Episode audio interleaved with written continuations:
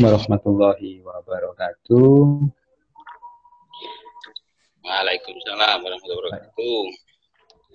Baik, uh, alhamdulillah Bapak Ibu yang saya hormati, kita bisa berkumpul semua di sini di kegiatan yang diselenggarakan oleh eh, kawan-kawan uh, RJI Jawa Timur itu pengelolaan jurnal di masa pandemi COVID-19 ini yang dilaksanakan pada 12 Mei 2020. Uh, yang saya hormati uh, Ketua RCI Pusat Mas Andri Kismawan beserta tim sekretariat Relawan Jurnal Indonesia Pusat. Kemudian yang saya hormati Ketua RCI Jawa Timur Mas Yulingga selaku penanggung jawab kegiatan pada pagi hari ini.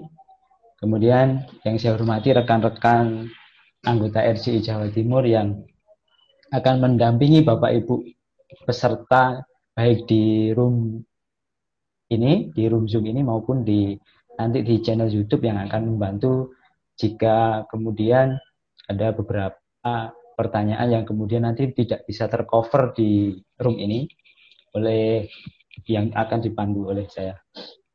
Kemudian yang saya hormati Bapak Ibu peserta webinar pada pagi hari ini, Alhamdulillah kita semuanya bisa uh, sehat bisa bergabung di kegiatan pada pagi hari ini. Bapak Ibu yang saya hormati, sesuai dengan rundown acara yang sudah kita bagi pada flyer yang sudah tersebar di pada Bapak Ibu semuanya, uh, nanti pagi hari ini kita akan uh, diskusi mengikuti kegiatan ada empat materi. Yang pertama adalah bagaimana install OJS plus plugin-nya yang nanti akan disampaikan oleh Pak Sucipto. Kemudian nanti setelah Pak Sucipto selesai akan dilanjutkan oleh Pak Muhammad Yunus yang akan menyampaikan tentang custom OJS 3. Jadi setelah OJS 3-nya itu bagaimana diinstal, kemudian pluginnya sudah disiapkan, diinstal juga, kemudian bagaimana nanti mengcustomnya gitu. Nah, Bapak Ibu, setelah selesai install, kemudian custom sudah selesai, nanti akan dilanjutkan bagaimana uh, materi tentang indeksasi DOAJ yang akan disampaikan oleh Pak Muhammad Ratodi. Kemudian yang terakhir, materi keempat, kita akan berbicara tentang bagaimana proses teknis dan persiapan-persiapan yang akan yang harus dilakukan ketika kita nanti akan mengajukan akreditasi jurnal kita eh, Arjuna yang akan disampaikan oleh eh, Mas Andista. Baik, Bapak Ibu, sebelum kita mulai kegiatannya, saya akan menunjukkan menunjukkan rambu-rambu. Nah, rambu-rambu kegiatan pada pagi hari ini yang tentunya sebagian uh, Bapak Ibu sudah menerimanya, tapi sebagian juga kemarin masih banyak yang me, uh, saya untuk mana Pak rambu-rambunya? Ya, saya coba untuk share screen dulu. Ya, ini Bapak Ibu rambu-rambu uh, dalam mengikuti webinar RCI Jawa Timur pada pagi hari ini. Saya sampaikan langsung saja di yang poin yang nomor dua. Uh, mohon perhatiannya bagi Bapak Ibu, kita sudah di sudah masuk, kemudian dimohon untuk Bapak Ibu pastikan bahwa pada proses pelaksanaan sesi penyampaian materi, pastikan bahwa Bapak Ibu sudah mematikan mikrofonnya. Kemudian, jika presentasi ada peserta yang menyalakan mikrofon, maka nanti saya akan uh, mematikan. Kemudian dimohon Bapak Ibu untuk mengikuti sharing dengan seksama. Kemudian nanti akan uh, dipersilahkan Bapak Ibu untuk kemudian menyampaikan pertanyaan di room chat.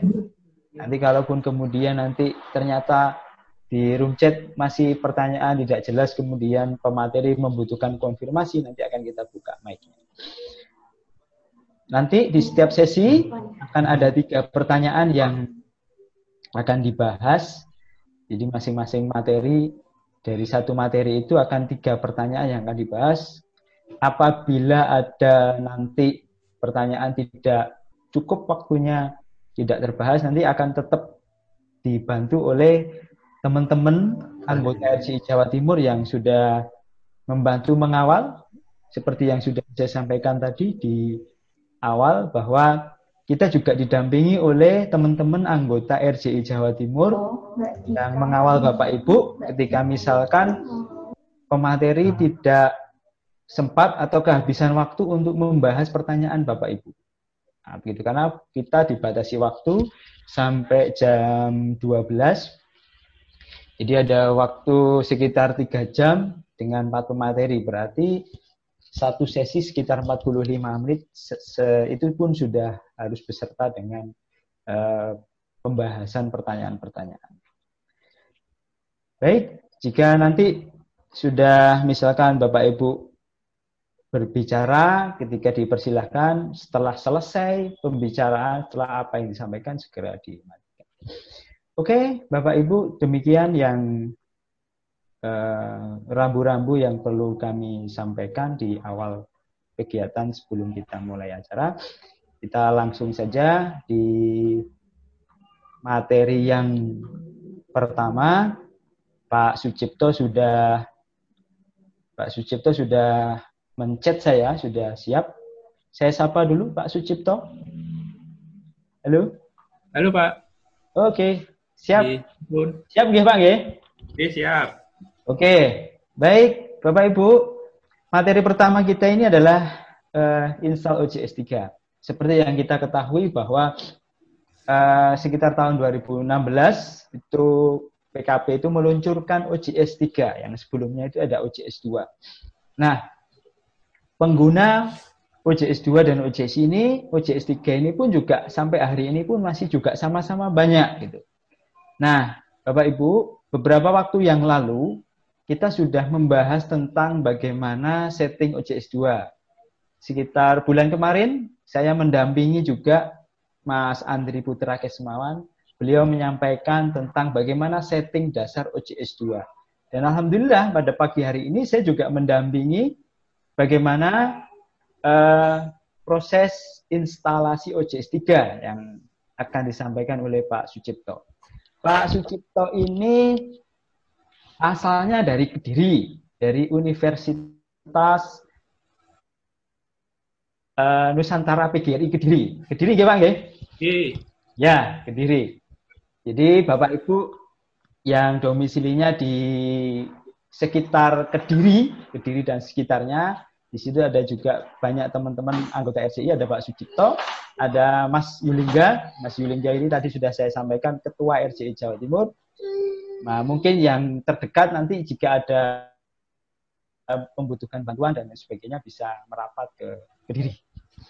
Baik, uh, Pak Sucipto, waktunya 30 menit untuk menyampaikan paparan materinya, nanti akan kita lanjutkan dengan diskusi. Monggo Pak, silahkan Pak.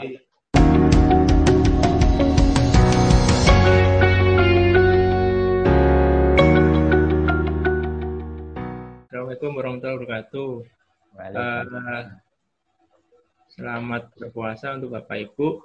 Uh, untuk sesi pertama, saya akan membawakan materi mengenai instalasi OJS 3 beserta pluginnya. Nah, mungkin Bapak Ibu di sini uh, tidak semuanya di bidang IT dan mungkin juga berpikir saya tidak terlalu butuh untuk instalasi OJS 3 karena kebanyakan kita sudah disiapkan oleh tim IT-nya. Di sini mungkin uh, kenapa Bapak Ibu uh, harus install ya mungkin kita itu kadang jadi editor butuh coba-coba, maksudnya gitu.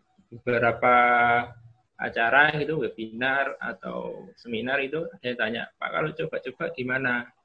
E, kalau sebaiknya coba-coba di OJS yang asli atau jurnal di jurnal yang asli disarankan untuk tidak gunakan. Jadi e, di sini nanti saya akan sampaikan materi mengenai instalasi OJS e, di komputer Bapak Ibu masing-masing. Jadi misalkan Bapak Ibu uh, ingin custom OJS-nya, tapi takut nanti error atau gimana, nah, Bapak Ibu bisa coba terlebih dahulu di OJS yang ada di laptopnya masing-masing. Nah, seperti itu. Jadi uh, enggak materi install ini tidak harus IT, jadi nanti mungkin Bapak Ibu misalkan ingin custom ataupun misal ingin publish uh, atau edit sesuatu di metadatanya gitu ya. Kita coba di yang ada di laptop kita sendiri atau komputer. Kalau sudah clear, nah nanti bisa diterapkan di OJS yang asli. Di OJS di itu yang kita kelola langsung. Nah, itu salah satunya supaya mungkin oh saya tidak terlalu perlu nah, dengan seperti ini nanti Bapak Ibu bisa lakukan sendiri di komputer masing-masing. Oke, saya mulai. Saya share screen dulu. Uh, ini aja.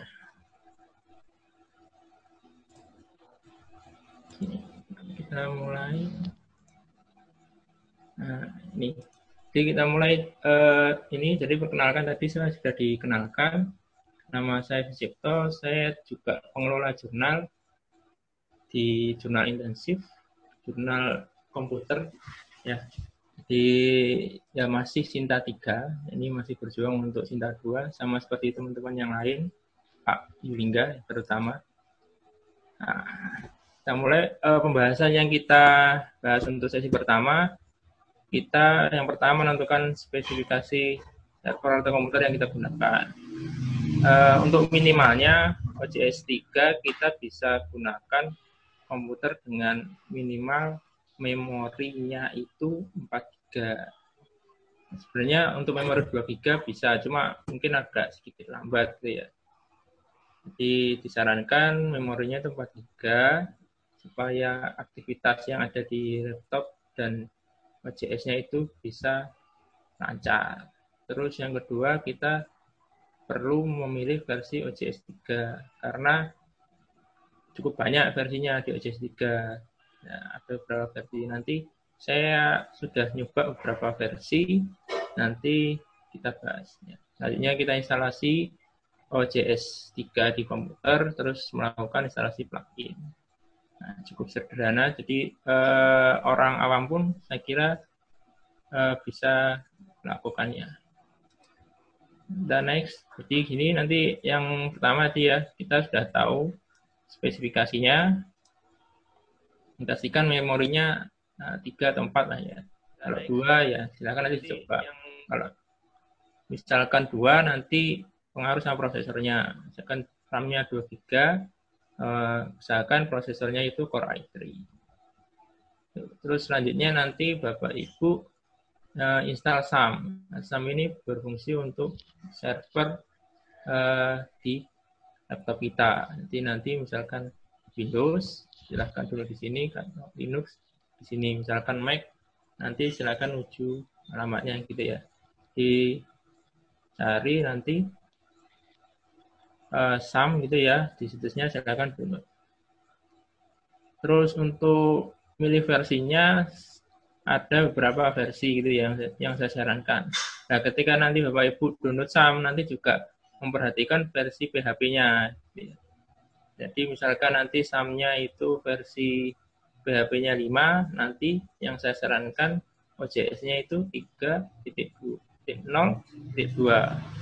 Nah, misalkan eh, PHP-nya 5,6, ini saran saya untuk yang lebih tinggi 3114 ketika PHP 7.0 ya misalkan ya di bawah 7.2 nanti versinya ini 3, 1, 2, 4 ini masih bisa Nah, kalau 7 ke atas, nanti versinya 3201 sampai yang terakhir, yang terbaru, baru kemarin itu 3203.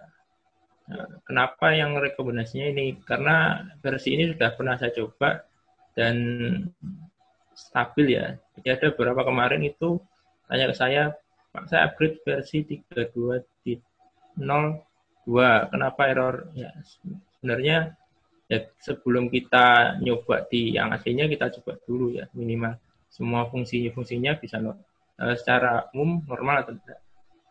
Nah, nanti uh, link download JS-nya di sini. Uh, selanjutnya, nah, kita untuk proses instalasinya nanti bisa di, di sini ya, Sam ya, karena saya tidak bahas cukup panjang. Nanti silakan diklik di sini, ada link untuk tutorial instalasi SAM ya. Cukup mudah. Tinggal diklik exe-nya nanti next next terus gitu ya. Sampai finish nanti kalau sudah dijalankan. Nah, terus untuk proses instalasinya yang pertama kita buat database-nya. Jadi ketika SAM-nya jalan Bapak Ibu buka browsernya misalnya pakai Google Chrome nanti ketikkan alamatnya http localhost slash php myadmin Nah, nanti uh, buat database baru ya. Misalkan di sini uh, eh, CS3 terus jangan lupa pilih charset ya namanya ini ya. Nanti berhubungan sama pengkodean karakter.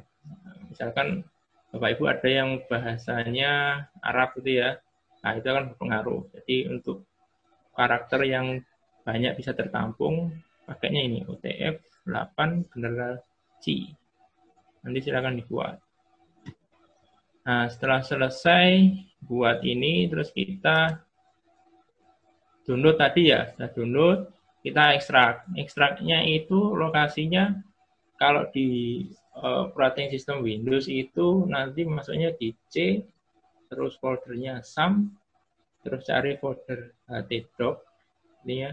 Terus Bapak Ibu nanti buat lagi folder uh, baru namanya OJS 3 misalkan gitu. Nah, nanti file yang uh, eh, OJS yang di-download tadi diletakkan di sini. Nah, kemudian diekstrak. Terus setelah itu kita buat satu folder lagi namanya OJS data. Ini yang simpel ya OJS data. Tapi kalau Bapak Ibu yang di server asli, saya sarankan namanya tidak seperti ini ya akan tambahin angka atau karakter tertentu. ini uh, setelah diekstrak nanti tampilannya seperti ini. Jadi ada tambahan satu folder yang kita buat sendiri. Nah, mungkin uh, kesulitan ekstrak ya, karena ekstensinya biasanya tar gz. Nanti Bapak Ibu bisa download ekstrak uh, 7-zip atau yang lainnya. Gitu. Misalkan di Windows-nya itu belum support untuk ekstensi target. Nah, in, cukup instalasinya itu cukup mudah sebenarnya. Jadi setelah selesai tadi ya ekstrak-ekstrak dan buat database, kita kembali ke browser tadi, misalnya Google Chrome. Kita akses alamatnya itu HTTP, nah, ini ya localhost, nanti slash OCS3. OCS3 itu foldernya. Jadi ketika kita akses seperti ini, nanti akan muncul proses instalasinya. Instalasinya seperti ini. Nah, ya kita pastikan lagi sebelum uh, awal tadi kan kita menentukan spesifikasinya ya di SAM-nya ya. SAM-nya PHP 7 atau 5. Misalkan di sini saya install 3201. Nanti akan dicek di sini. Jadi PHP-nya di sini ada informasi recommended system requirement PHP-nya versi berapa. Nah, ini harus sama atau di atasnya lah. Ya, kalau di sini kan sama-sama 72, jadi bisa oke lah bisa lanjut. Ini masih satu halaman ya, jadi tidak tidak next untuk instalasinya halaman satu kita ngisi semua informasi yang ada di situ.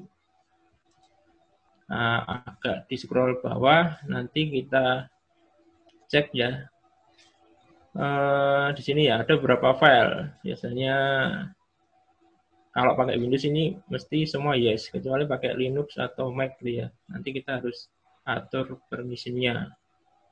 Uh, permisinya biasanya 755. Nah, nanti klik kanan properties ada permission untuk Linux dan Mac OS. Tapi kalau Windows saya rasa semua sudah yes gitu ya. Ini terus yang agak di scroll ke bawah nanti kita buat username dan password untuk uh, user administrator. Jadi di OJS itu ada tiga apa ya? Yang level admin itu ada dua ya. Jadi ada uh, user administrator itu fungsinya untuk buat jurnal, terus untuk user untuk jurnal manager itu untuk customize satu jurnal ya. Jadi kalau yang kita buat di sini itu untuk administrator. Jadi bisa administrator ini kita bisa login ke semua jurnal yang nanti kita buat. Tapi kalau jurnal akun jurnal manager atau akun jurnal editor itu sama hanya untuk satu jurnal tertentu. Kalau ingin nambah lagi, misalkan satu akun untuk jurnal lain, nanti ya ditambah lagi dengan user yang sama. Jadi akun ini sangat penting karena dan rahasia biasanya yang megang itu cuma satu orang ya atau orang-orang tertentu yang berhubungan. Jadi tidak semua pengelola jurnal punya akun ini. Nah nanti username-nya apa? Username-nya itu tidak boleh spasi usahakan huruf kecil semua dan mudah diingat gitu ya. Nanti masukkan passwordnya minimal 6 karakter lah ya kalau di sini dibuat yang mudah misalkan 1 sampai 6 nah, misalkan nanti dipindah ke jurnal yang asli gitu ya, yang sering kita gunakan, maksudnya unik gitu ya. Kalau tapi untuk untuk belajar yang mudah-mudah aja. Gitu. Terus email, ya, emailnya kita misalkan di sini masukkan formatnya harus sesuai. Jadi uh, emailnya di sini misalkan cipto@komputer.com. Kalau bapak ibu bisa pakai Gmail atau yang lainnya terus agak scroll bawah. Nah, di sini penting ya bahasa. Jadi di OJS 3 itu sedikit kekurangannya itu di bahasa ya. Jadi banyak misalkan uh, yang milih bahasa tambahan, contohnya bahasa Indonesia. Kalau saya sarankan tidak perlu gitu ya, karena itu akan uh, nambahin error gitu. Kadang gini, misalkan kalau satu rumah jurnal, satu jurnal itu tidak masalah, tapi kadang itu satu rumah jurnal itu ada banyak, misalkan 5, 10 gitu ya. Dan kalau satu dicentang bahasa Indonesia, yang lainnya tidak, itu akan berpengaruh sama metadata. Karena metadata di OJS 3 itu harus diisi semua antara form isinya bahasa Inggris, misalkan di sini ya, bahasa utamanya, dan bahasa Indonesia. Nah, jadi kalau saya cukup di primary lokalnya itu bahasa Inggris. Nah, misalkan nanti Bapak Ibu ada yang misal bahasa Arab, dan nanti tinggal ditranslasi aja informasinya. Karena tadi kita sudah menggunakan kode charset di awal ITF 8 itu ya. Nah, jadi tetap aja bahasa Inggris. Nanti misalkan teksnya kita rubah manual ke bahasa Arab. Jadi cukup satu bahasa aja supaya memudahkan kita untuk uh, mengatur metadata. Gitu ya. Ini cuma Inggris saja terus agak kita scroll ke bawah. Tadi ya. Karena di awal kita pakai UTF-8 di sini kita juga pakai UTF-8 untuk charsetnya jadi kita setting awal tadi kan uh, di database ya. Nah database kan kita UTF-8 nanti di bawahnya juga kita pakai kodenya itu UTF-8 pastikan ini karena ini standar yang dipakai OJS ya. Supaya tidak banyak errornya gitu ya kita pakai UTF 8 kadang itu yang sering ada defaultnya itu ketika beberapa panel atau lokalhost itu pakai Latin gitu ya. Jadi kita perlu rubah. Sebenarnya bisa pakai Latin. Cuma ketika misalkan kita pengen upgrade nanti diarahkan lagi ke UTF 8 karena defaultnya di UTF 8 nah itu ketika di upgrade Eh, dan berbeda charset itu akan merusak uh, beberapa misalkan abstraknya ada angka-angka yang aneh gitu ya atau bintang atau apa gitu karena berbeda charset. Nah, pilih aja UTF-8. Terus selanjutnya kita tentukan foldernya. Jadi folder yang untuk data-data OJS. Hmm, kalau data data-data abstrak itu masuknya ke database, tapi kalau data-data misalkan gambar di satu jurnal itu ya nanti masuknya di sini. Data jurnal, XML, misalkan CSS, ini masuknya di OJS data. Nah, di sini eh, kita buatnya tadi kan di C, SAM, Docs, OJS 3 ya. Kita buat lagi tadi satu dua folder kan ya, namanya OJS data. Kita masukkan di sini uh, isiannya nih C, SAM. Misalkan Bapak Ibu letak foldernya beda, ya nanti disesuaikan. Intinya masih satu folder di sini setelah htdoc ini. Uh, terus selanjutnya kita konfig database ya. Nah, database-nya kan kita tadi sudah buat. Jadi di sini kan ada create new database. Ini tidak usah dicentang, nanti dihilangkan. Biasanya itu dicentang otomatis ya, nanti dicentangnya dihilangkan. Terus untuk ini nanti dipilih MySQLi. Biasanya itu masih MySQL, nanti dipilih MySQLi hostnya itu localhost karena berada di lokal server kita. Terus username-nya pakai root gitu ya. Kita tidak perlu buat user baru gitu ya. Karena defaultnya server SAM tadi itu root ya. Kan kita pakai sendiri. Kecuali nanti di cPanel. Nah kita biasanya itu buat username sama database gitu ya. Ada passwordnya. Jadi nanti menyesuaikannya di situ. Kalau karena kasusnya ini di laptop kita masing-masing nanti username pakai root terus passwordnya kita kosongi. Karena defaultnya SAM itu tidak ada passwordnya. Nah, kita kosongi. Terus nama database-nya yang tadi OJS3 tadi yang kita buat di awal. Gitu. nah, jadi seperti itu. Jangan lupa MySQLi hostnya nanti root.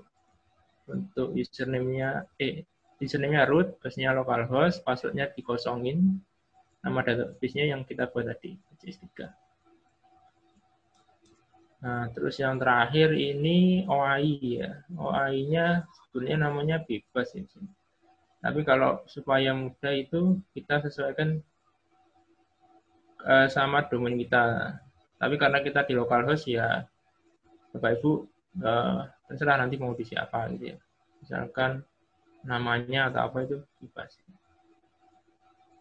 Tapi kalau eh, di server asli, misalkan di panel, kita sesuai sama domainnya yang memudahkan gitu. Seperti itu. Setelah itu kita install, klik install, nanti nunggu beberapa saat. Nah, di sini pengaruh, misalkan memorinya 2 GB ya, agak lambat sedikit lah ya. Nanti tunggu sampai uh, selesai ya. Ketika selesai nanti kita bisa langsung uji. Nah, kira-kira seperti itu. Jadi jangan sampai ketika di klik install nanti Bapak Ibu refresh ya, ditunggu aja sampai selesai. Nanti sampai ada informasi berhasil. Nah, cukup mudah kan ya situ. Terus ketika jurnal kita sudah selesai gitu ya. Jadi kita bisa login ya. Contohnya seperti ini saya share ke nah nanti kita login ya.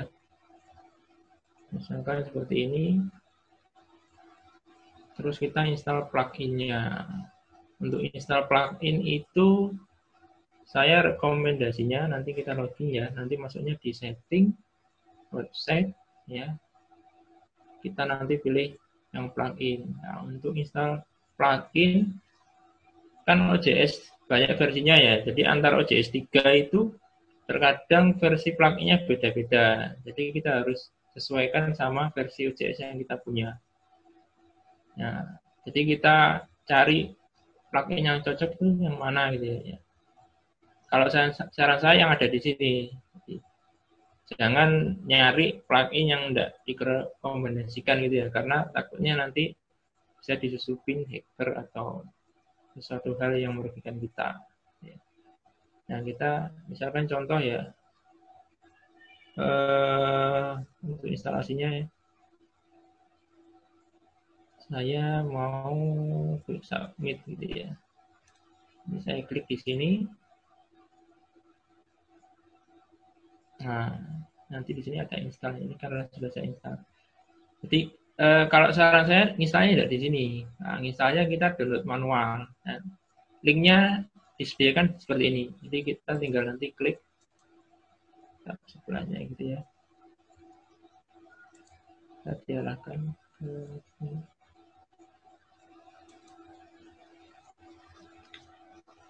Hmm.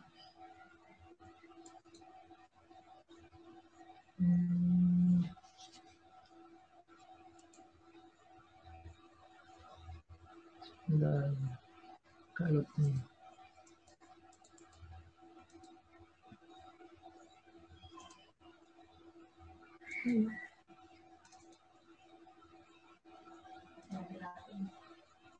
Nah, ini ya.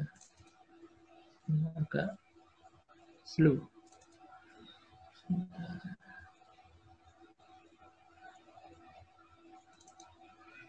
Nah, ini. Nah, nanti seperti ini. Tampilannya ya. Jadi semua plugin nanti akan diarahkan ke situsnya GitHub ya PKP. Nah, tadi saya klik yang klik submit, nanti kita lihat uh, informasinya ya. Di ada informasi instalasinya. Kadang ada ada enggak gitu ya. Nah, seperti itu. Instalasinya gimana? Nah, ini kan enggak cuma install via galeri enggak, enggak ada informasi spesifik. Nah nanti saya jelaskan apa aja yang cocok di mana. Yang yang pertama di sini kita lihat untuk versinya cocok enggak sama OJS kita jadi di sini nanti ada beberapa versi jadi bukan berarti misalkan saya pakai OJS 31 saya download yang terbaru enggak enggak seperti itu jadi harus sesuai sama versi OJS-nya. Misalkan 32, ya nanti ini yang versi 32. Kalau yang misalkan sama seperti ini ya, berarti kita bisa milih yang terbaru. Gitu. Nah, misalkan 312 gini ya, nah 31.2 ini tidak bisa dipakai 32. Walaupun bisa nanti ada misalnya ada berapa babnya gitu ya. Jadi harus sesuai. Nah, untuk downloadnya nanti saya di sini diklik di sini kita download yang ini. Diklik nanti download. Download ini ya. Nah, seperti itu. Itu cara downloadnya. Nah, itu terus kita balik lagi ke saya share yang presentasinya lagi Nah, terus cara instalasinya ketika sudah tadi ya di-download, kita ekstrak. Ekstrak kan berbentuk zip ya, kita ekstrak. Nah, letak-letaknya seperti ini. Jadi saya bisa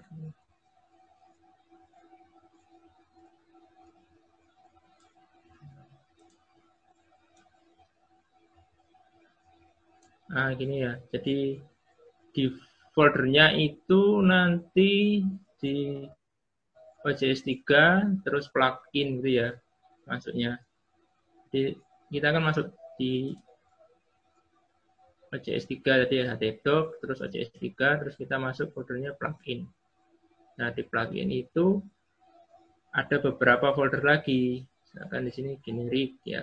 Untuk folder generik itu ada beberapa tambahan saran saya ya. Di sini saya tambahkan edit, allow upload, better password, custom header, sama registration notification. Jadi ada beberapa plugin.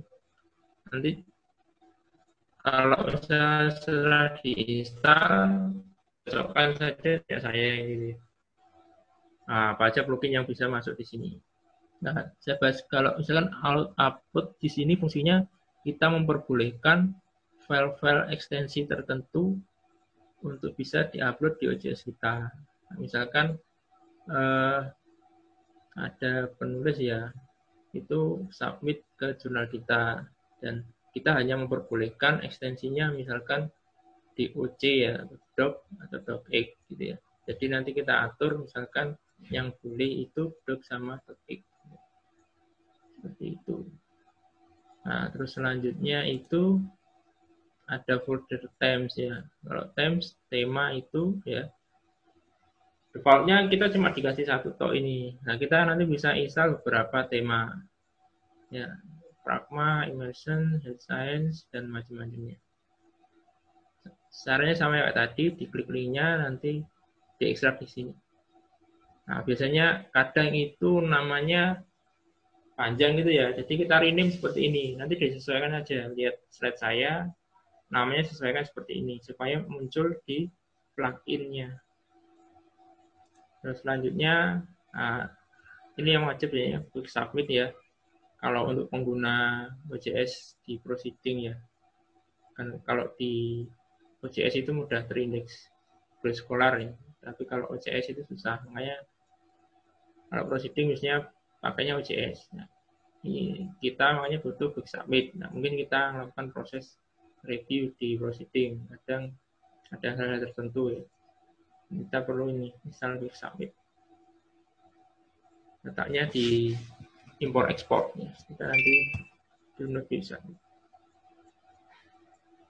Nah terus selanjutnya satu kalau import, import export ya. Sini yang saya rekomendasikan. Terus ada blog hmm, blog itu yang muncul di halaman depan ya. Artinya kalau tema default itu di kanan. Sidebar itu ya, sidebar atau di bawah kalau tema head science. Di sini ada announcement blog, ada Twitter blog, dan biasanya ada tambah lagi berapa ya, tinggal menyesuaikan sama versinya. Nah, gitu. Terus kita coba, kita selesai ini. Kita coba praktekkan ya. Satu pluginnya. Hmm, selesai sini.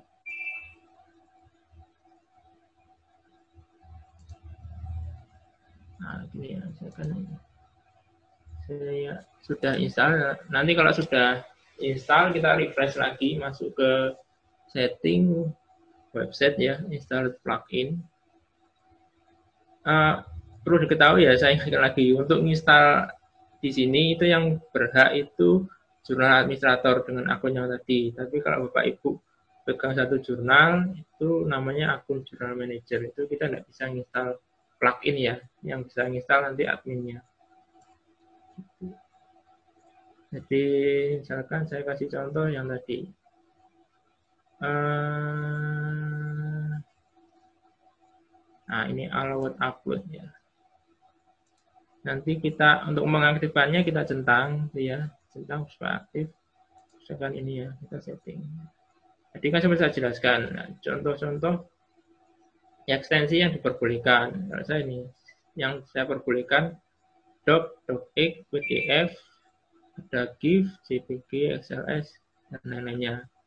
Misalkan nanti misalkan dataset ya, eh, dataset SPSS mungkin ada yang reviewer minta diupload atau sebagai bukti tambahan ya, sehingga nanti dimasukkan lagi. Nah ini sangat penting untuk menghindari penyusup ya hacking atau dan sebagainya. Ini plugin yang cukup mumpuni untuk security.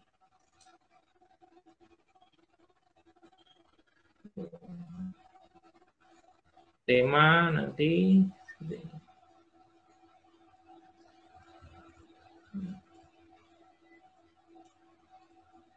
Nah, kita ini banyak tema ya. Temanya seperti ini, untuk aktifnya kita centang, centang semua. Nah, itu nah, caranya. Untuk foldernya saya akan share folder saya. Saya ini. Nanti kalau saya pakai ini. Nah, sebentar saya kemarin dulu saya tidak tidak install di UCS sendiri ya jadi hmm,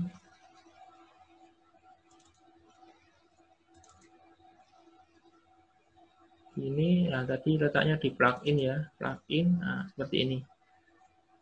Isi plugin-plugin di kita dan nanti kita masukkan sesuai dengan tadi yang ada di slide saya. Jadi jangan masukkan di berbeda folder nanti tidak bisa muncul. Seperti itu.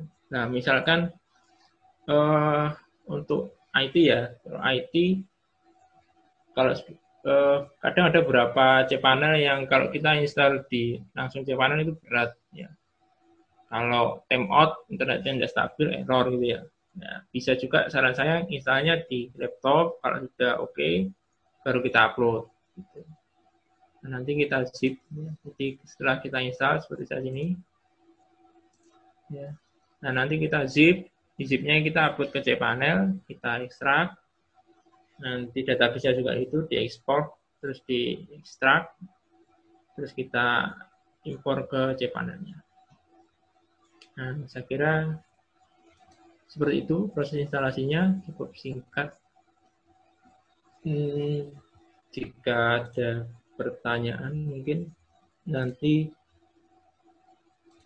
bisa langsung ya Pak Jamal ya. Nah, sudah selesai ya. Nanti Bapak Ibu kalau misalkan pengen tanya sesuatu, bisa email saya di sini. Ada blog saya juga. Saya nulis beberapa tutorial. Ini jurnal saya. Kalau berminat untuk submit di ilmu-ilmu komputer, informasi, dan yang lainnya untuk demo JS-nya di sini. Ya, cukup sekian. Terima kasih saya kembalikan lagi ke Pak Jamal, moderator. Terima kasih Pak Sucipto. Eh, demikian Bapak Ibu pemaparan materi tentang instalasi OJS 3 dan bagaimana kemudian install pluginnya. Jadi eh, materinya cukup dasar sebenarnya ya. Cuman bagi yang sudah disampaikan tadi oleh Pak Susipto bahwa ya kita perlu mengetahui ini meskipun kita hanya pengelola jurnal. Biasanya kalau di kampus-kampus itu ya hal-hal yang demikian itu dipasrahkan saja ke bagian tim IT. Namun kita sebagai pengelola jurnal alangkah baiknya juga kita mengetahui bagaimana caranya menginstalasi kemudian apabila ada sedikit error-error jadi kita bisa mengatasinya dengan sendirinya. Oke, saya lihat di chat sepertinya juga belum muncul pertanyaan, Pak.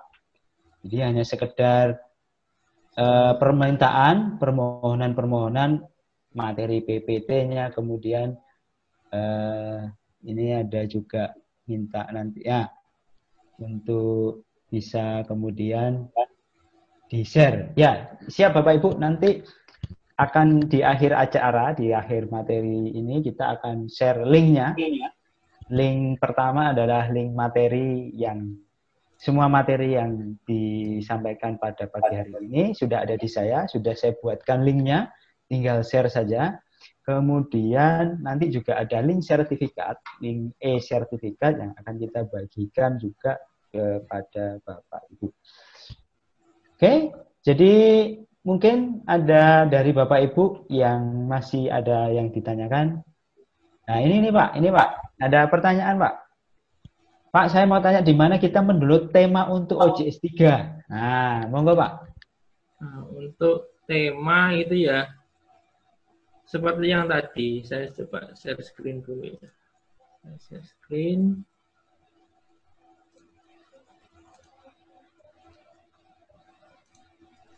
Ya, nanti tema sama Bapak Ibu. Kita lihatnya di plugin galeri. Jadi saya semua ngunduhnya di sini. Di plugin galeri nanti ada tema. Contohnya di sini ya. Immersion. Nanti ada nih uh, deskripsinya unofficial themes ya. Terus ada lagi uh, misalkan pokoknya kita lihat di sini. Uh, immersion ada head science ini ya Thames. Nah, ini nanti tinggal diklik. Sama kayak tadi kita klik yang di sini ya. Nah itu yang downloadnya di situ caranya. Semua entah itu tema uh, blog blog itu yang samping widget gitu ya. Terus dan yang lain-lainnya semua ada di sini. Ya, seperti itu. Setelah download kita ekstrak kayak tadi. Ekstrak, terus kita refresh, kemudian kita centang. Seperti itu. Jadi tidak tidak nyari-nyari di Google enggak. Nah, sebaiknya kita carinya yang di situ di plugin galeri. Namun Pak, ada lagi. Eh, ada lagi tentang apa ini? Untuk mendapatkan DOE. Ya, Bapak Ibu untuk soal DOE nanti Bapak Ibu bisa uh, submit di doe.relawanjurnal.id. Nah, yeah. di iya. situ semua informasi tentang DOE ada di situ. Terus ini ada Pak. Pak, kalau kita sudah buat di komputer dan mau upload, bagaimana caranya? Nah, ini private ke saya ini Pak. Enggak, ada ini di sini. Oh, ada juga ya? Kita upload misal kalau jurnal atau logo, memang ada delay di tampilan jurnal kita. Nah, untuk cover jurnal, gambar, dan lain-lainnya, kalau saya sarankan resolusinya jangan besar ya, atau ukurannya jangan besar-besar. Kalau saya biasanya ukurannya ya, ukurannya itu satu mega gitulah ya, satu dua mega. Kalau besar itu ya, kadang kita kan biasanya di Corel atau Photoshop itu kan sekitar 5 mega. Itu ya akan delay gitu. Terlalu besar ya Pak ya. Ya. Terus ada di sini apa? Start counter itu uh, masuknya itu kita akses itunya start counter. Saya ada tutorialnya ya nanti saya Ini kalau start counter, bentar ya. Saya tunjukkan ya instalasinya.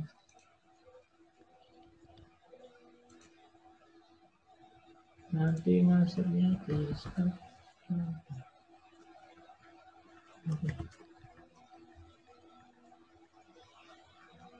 start counter nah nanti bapak ibu bisa di sini try di sini. Ah saya coba login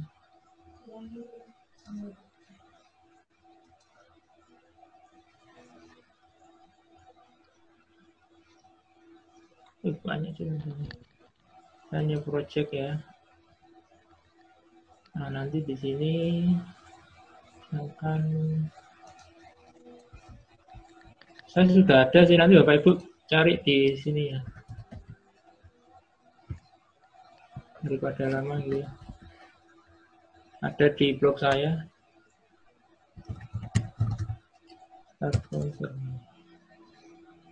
nah,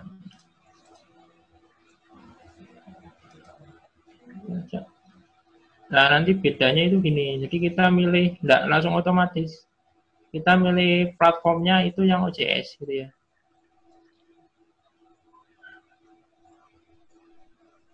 Nah, nah di sini kan ini. Nah, kita pilih yang agak besar ya.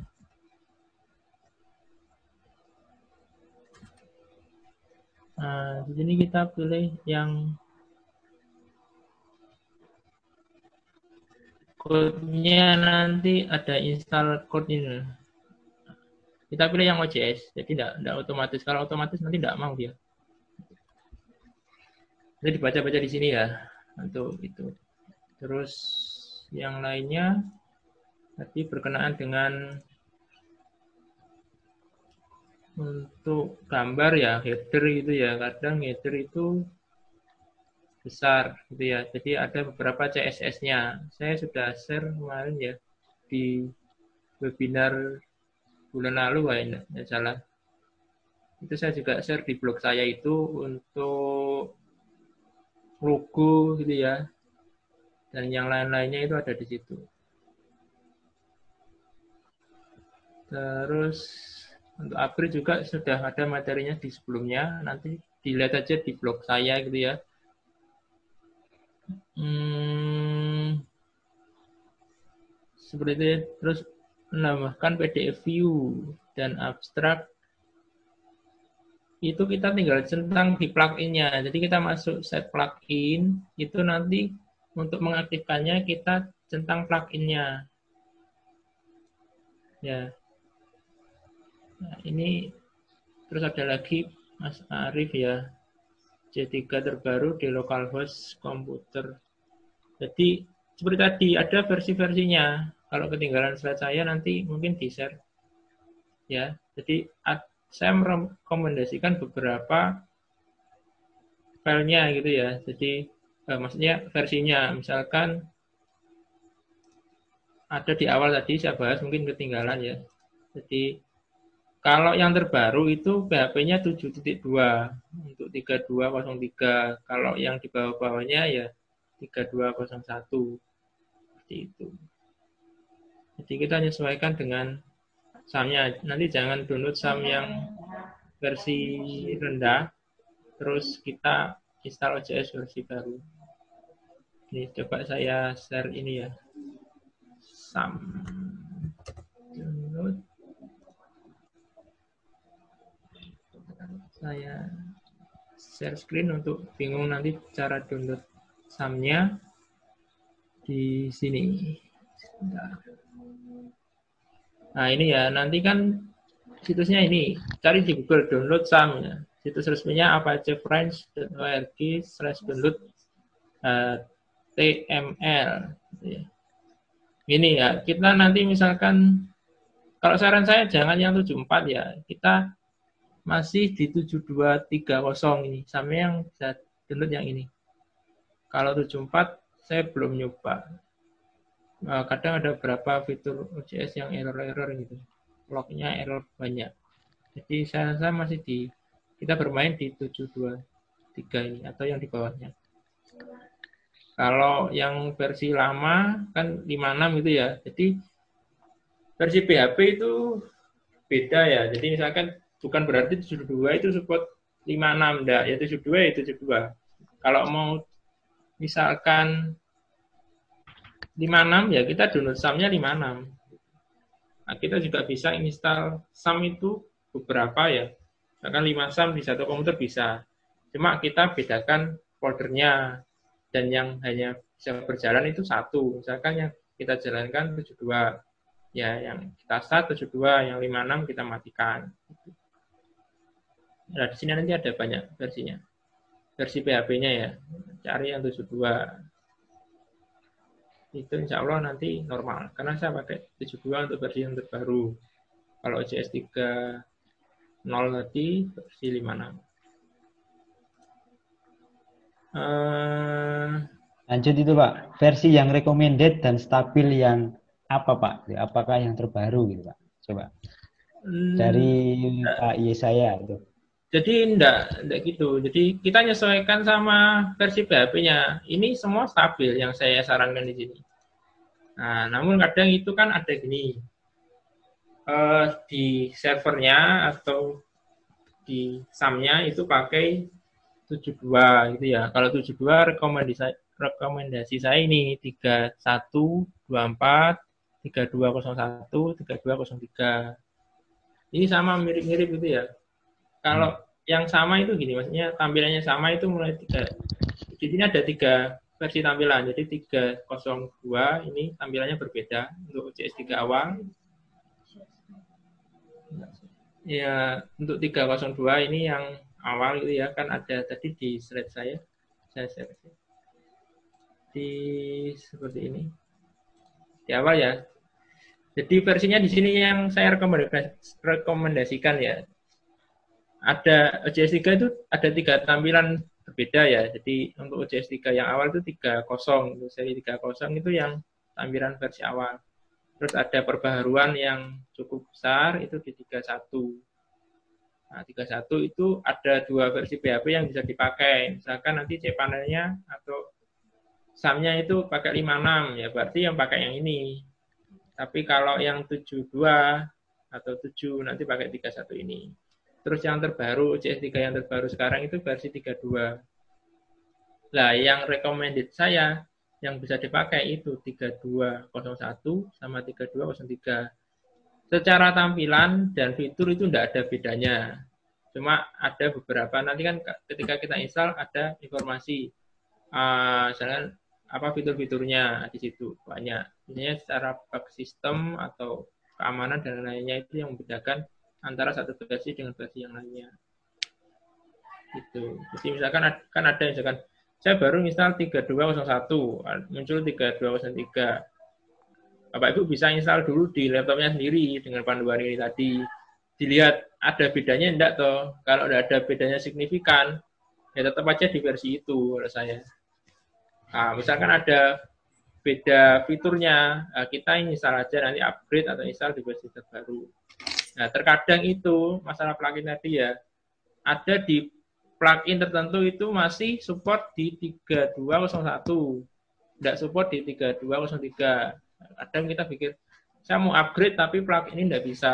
Makanya ada pertimbangan-pertimbangan seperti itu ketika kita install. Tidak, tidak hanya kita berpikir, oh kalau versi terbaru semua itu support walaupun plugin yang lama. Jadi tidak seperti itu. Makanya kenapa tadi saya sarankan kita install pluginnya, milih sesuai versinya. Nah, letaknya di plugin galeri tadi.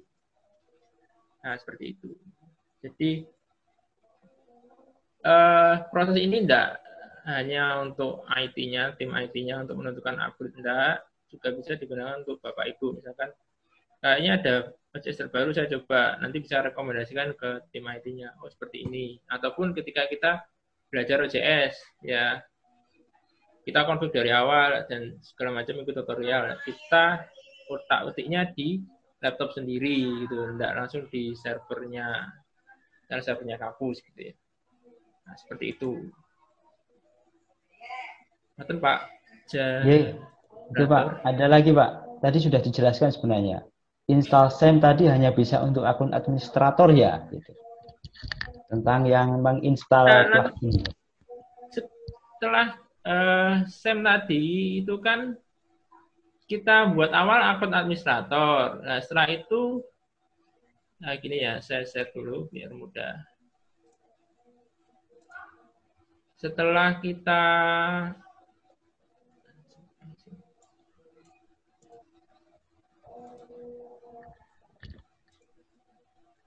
nanti kan kita nyemak buat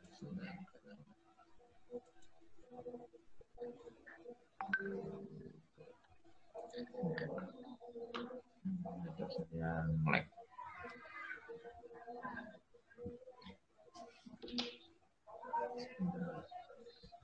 Del ini ini nge-lag nih. Lama Bapak? Ya, sebentar Pak. Nomor. Iya. Jadi setelah kita install OJS-nya, selesai itu ya, nanti kita buat jurnal, create jurnal. Cuma ini laptopnya masih nomor. Sebentar. Kita nanti create jurnal. Ini kenapa?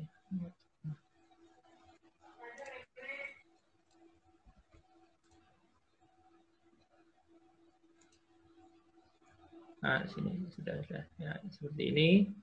Nanti menunya di administration. Jadi ketika kita sebagai jurnal administrator nanti ada tambahan administration. Tapi kalau kita jurnal manager tidak akan muncul administration.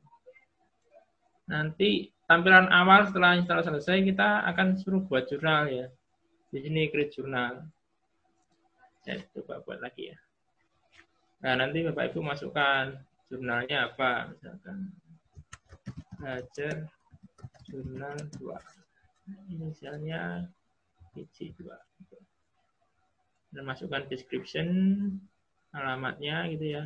Partnya misalkan PC2 ya nanti diisi deskripsi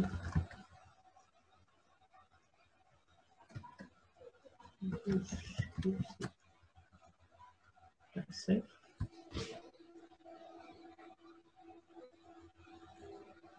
ya nanti kita lengkapi semua informasinya nah, range tampilan temanya dan sebagainya sebagainya gitu ya. Nah, akan muncul belajar jurnal 2 di sini. Nanti akan ada opsi pilihannya di sini ketika multi jurnal. Ini kan yang awal sudah saya pernah buat. Ini yang baru tadi. Nah, untuk usernya, Bapak Ibu bisa create di sini. Add user. Kan secara default itu usernya cuma satu ya. Secara default itu usernya cuma satu. Ini sebagai administrator. Nanti Bapak Ibu buat lagi. Nah, sebagai rule-nya nanti dipilih setelah ngisi ini ya. Kan user CM gitu ya CM sorry sorry CM at gmail.com tinggal buat passwordnya misalkan kita random aja. Kalau random nanti ngimil ke sini. Tapi kalau bapak ibu nanti buat 1 sampai 6 gitu ya. Supaya cepat saja negaranya pilih Afghanistan nanti di oke okay.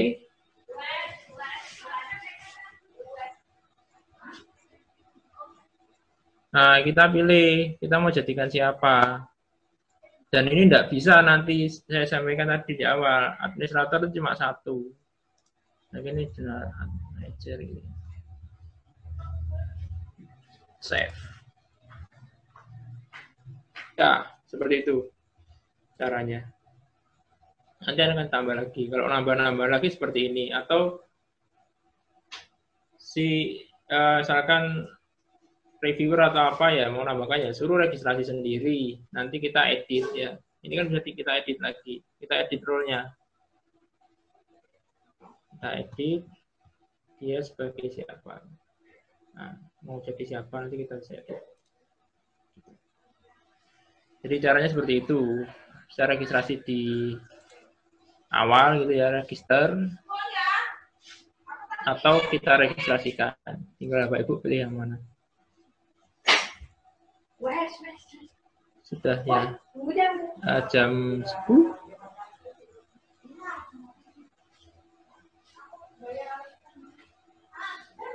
Hmm, SAM kalau di local host untuk pribadi. Ya memang SAM itu di local host untuk pribadi ya. Bisa diinstal di laptop masing-masing karena yang saya di sini fungsinya kita install di laptop masing-masing. Walaupun bisa juga cara yang sama diinstal di cPanel untuk upload ya, user itu tidak bisa ya karena nanti di OJS itu struktur database-nya itu saling berkaitan jadi ketika kita buat user dia akan insert di beberapa tabel nah kalau misalkan kita book user itu nanti susah ya dia masuk ke user ini masuk ke jurnal yang mana karena ketika kita buat satu create user itu si OJS akan menempatkan kita di jurnal yang kita create di situ. Nah, jadi satu user, satu jurnal.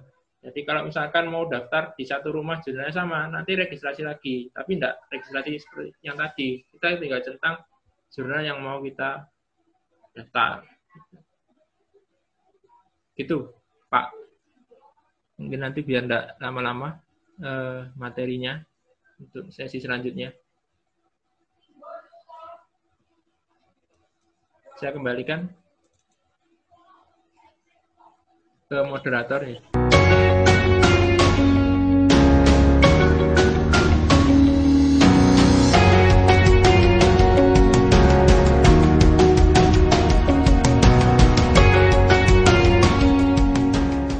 Oke, yeah, terima kasih Pak Sucipto. Sudah pas 45 menit kita tadi Pak Sucipto mulai jam 9.15, ini sekarang sudah sekitar jam 10. Kita akan beralih ke kita akan beralih ke materi berikutnya yaitu Pak Muhammad Yunus. Kami ucapkan terima kasih Pak Sucipto atas sharing ilmunya tentang instalasi OJS 3. Semoga kita tetap selalu dapat kesempatan untuk bisa belajar bersama-sama. Oke, okay? Alhamdulillah Pak Muhammad Yunus sudah siap. Halo siap, Pak. Halo, halo. Ya, siap, halo. Oke. Okay. Ya, ya. Baik, alhamdulillah Pak Muhammad Yunus sudah siap. Uh, Bapak Ibu sekalian, tadi kita sudah bersama-sama mengikuti bagaimana setting dasar. Ya, dibilang setting dasar karena instalasi awal begitu. Nah, Berikutnya akan kita lanjutkan tentang setelah kita selesai, setelah berhasil setting awal dengan menginstal, kemudian memasang beberapa plugin yang sudah dijelaskan oleh Pak Sucipto tadi.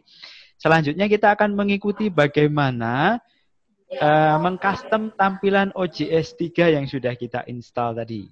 Jadi ada beberapa hal yang kemudian dari tampilan-tampilan standar bawaan PKP itu kita bisa nambahin nambahin dikit-dikit lah, nambahin tampilan, nambahin apa nanti akan disampaikan oleh Pak Muhammad Yunus. Pak Muhammad Yunus ini dari Jember, ya, Poltek Negeri Jember. Ya, jadi teman-teman yang di wilayah Jember dan sekitarnya nanti kalau ada apa-apa, ada problem, ada perlu yang dikonsultasikan, kalau perlu kita kopdar bisa merapat ke Jember bersama Pak Muhammad Yunus. Baik, biar tidak berlama-lama, monggo Pak, kami pasrahkan waktunya 30 menit, kemudian nanti 15 menit bisa kita gunakan untuk kita berdiskusi menjawab pertanyaan-pertanyaan para peserta webinar.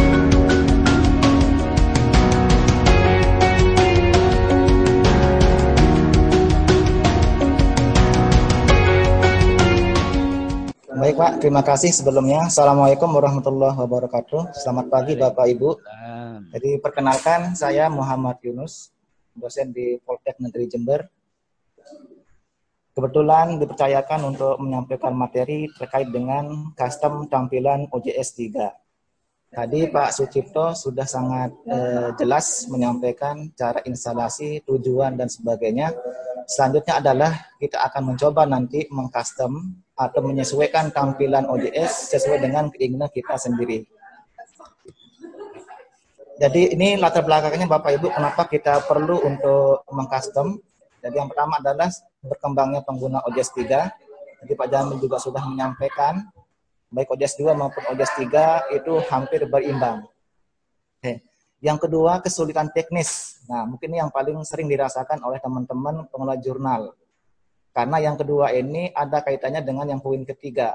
Karena biasanya ada ketergantungan pada sumber daya IT. Nah, jadi ketika tim IT-nya sibuk, maka udah dilepas. Jadi kadang-kadang pasrah sendiri. Padahal sebenarnya eh, kita bisa mengcustom sendiri. Tujuannya kita bisa merubah nanti tampilan jurnal kita atau tata letak sesuai dengan keinginan kita sendiri. Oke. Tentunya Bapak Ibu manfaatnya yang paling kita rasakan adalah dengan tampilan jurnal kita yang bagus tentunya akan mempengaruhi penilaian saat aplikasi jurnal ketimbang tampilannya yang pas-pasan. Yang kedua, eh, tentunya akan menjadi eh, daya tarik baik bagi pengelola maupun pengunjung. Bisa bayangkan kalau eh, tampilan web jurnal kita misalkan kurang bagus, bisa jadi kita apa dianggap nggak uh, profesional atau nggak serius mengelola jurnal kita. Dan yang paling penting adalah uh, ini juga bisa menambah semangat bagi pengelola jurnalnya. Ketika melihat atau masuk mengelola itu melihat tampilan jurnalnya bagus, tentunya uh, bisa menjadi motivasi tersendiri. Sebenarnya masih banyak, cuma ini beberapa yang uh, ingin saya sampaikan. Nah, kemudian ada beberapa yang perlu kita persiapkan karena ini OJS 3. Jadi Bapak Ibu Nanti bisa menggunakan akun admin jika punya, jika tidak punya juga bisa menggunakan akun jurnal manager, jika tidak punya bisa juga menggunakan akun editor jurnal.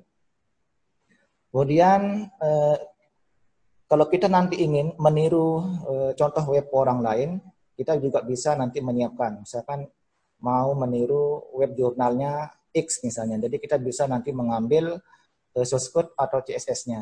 Nah, nanti bisa kita ambil. Nah, kemudian tentunya juga koneksi internet karena kita bermain di internet. Nah, yang terakhir nanti Bapak Ibu mungkin kita butuh ini untuk e, menyesuaikan warna terutama saat di banner biasanya. Nah, nanti kita akan lihat contohnya Bapak Ibu ya. Jadi nanti kalau kita butuh e, menyesuaikan kode warna, kita bisa menggunakan color kode picker ini. Nah, di sini sudah mulai eh, penting kita lihat Bapak Ibu. Jadi ada beberapa hal yang bisa kita custom pada jurnal kita. Yang pertama adalah kita bisa merubah tampilan sidebar yang sebelah kanan kalau pertama kali di selesai diinstal. Nah ini nanti kita bisa menggunakan fasilitas custom block manager. Nah ini Bapak Ibu eh, cukup yang punya akun OJS ini sudah bisa dilakukan sendiri. Jadi di sini ada yang setelah sama dengan ini, ini menandakan bahwa kita bisa pola sendiri. Kemudian yang kedua, kita bisa mengatur tata letak atau navigasi menunya. Ini juga cukup punya akun OJS. Kemudian yang ketiga, headernya juga bisa kita atur. Ini juga eh, OJS. Nah, kemudian untuk tema, tadi sempat disampaikan oleh Pak Sultiko juga. Jadi bisa kita atur lewat OJS. Jika ada kendala di OJS, kita bisa lewat eh, servernya melalui akun cPanel-nya untuk yang tema. Nah, jadi nanti kalau misalkan kita tidak suka dengan tema bawaan dari OJS-nya, bisa kita eh, masukkan, sisipkan tema yang lebih bagus. Nah, yang terakhir atau yang ini yang mungkin eh, kita bisa custom juga adalah tampilan saat ini eh, publish isunya. Misalkan kita ingin menampilkan eh, berapa kali abstraknya dilihat, kemudian PDF downloadnya berapa kali di-download dan sebagainya namanya artikel metrik. Nah, cuman ini Bapak Ibu harus di setting lewat servernya. Nah, nanti dia mau nggak mau, jadi kalau Bapak Ibu nggak punya akun akun ini, akun si panelnya, berarti minta tolong ke bagian IT-nya. Dan lain-lain. Jadi banyak hal yang bisa kita custom sesuai dengan keinginan kita masing-masing Bapak Ibu. Oke. Di sini saya contohkan misalnya tampilan jurnal yang baru selesai diinstal. Nah, ini tampilan defaultnya seperti ini. Jadi eh, ini ada header, kemudian ada primary navigasi menu. Nah, ini yang saya linkkan yang akan kita bahas Bapak Ibu. Nah, ini ada primary navigasi menu. Yang ini yang menu atasnya. Kemudian ada user navigasi menu. Ini yang menandakan ada register, ada login. Kemudian yang sidebar. Nah, ini Bapak Ibu yang sidebar. Ini kita bisa atur. Jadi ini bawaan dari OJS-nya. Ini defaultnya seperti ini. Kemudian yang kolom yang tengah ini, ini yang bodinya untuk nanti tampil-tampil di sini. Nah, yang terakhir di footernya. Baik. Nah, sekarang kita lihat Bapak Ibu. Eh, nah, ini misalkan contoh. Nah, misalkan ini contoh tampilan setelah jurnal di custom. Nah, ini salah satu jurnal yang saya kelola. Ini mau umur 2 tahun sehingga belum bisa diajukan akreditasi. Oke. Misalkan kita lihat Bapak Ibu, jadi ini bannernya sudah kita atur seperti ini. Kemudian eh, primary navigasi menunya, jadi menu utamanya sudah kita atur, jadi bukan lagi bawaan dari atau default dari OJS-nya bisa kita atur, misalkan beranda, kemudian eh, sampai register dan login. Nah tadi kan yang user navigasi menunya ini bisa kita atur Bapak Ibu letaknya. Jadi misalnya kita buat dia deret di sini. Nah, di sini. Jadi yang tadi user kita taruh dia di primary. Kemudian di sini kita juga bisa atur sidebar-nya. Nah, jadi lebih menarik. Nah, misalkan kita bisa atur kalau yang di sini misalnya yang terkait dengan uh, inti jurnal kita, kemudian tim dan sebagainya. Nah, di sini di sini kita atur tentang jurnal kita dari fokus scope-nya, pengindeksan dan sebagainya. Nah, ini contoh saja nanti Bapak Ibu bisa mencari contoh jurnal orang Nanti bisa kita custom, mengambil beberapa yang bisa kita ambil. Nah, kemudian yang eh, terakhir, nah di sini kita lihat kita juga bisa mengcustom ini artikel metriknya. Nah, misalnya di sini ada eh, judul, kemudian ada file PDF.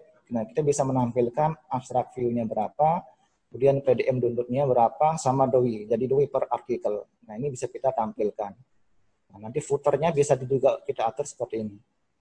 Nah, sehingga eh, ini juga nanti mempengaruhi saat melayan akreditasi maupun nanti eh, daya tarik pengelola maupun pengunjung. Baik Bapak Ibu, ini sebenarnya di slide saya sudah eh, lengkap semua saya buat sampai dengan artikel metriknya sudah ada. Biar lebih praktis, kita langsung saja ke eh, contoh implementasinya.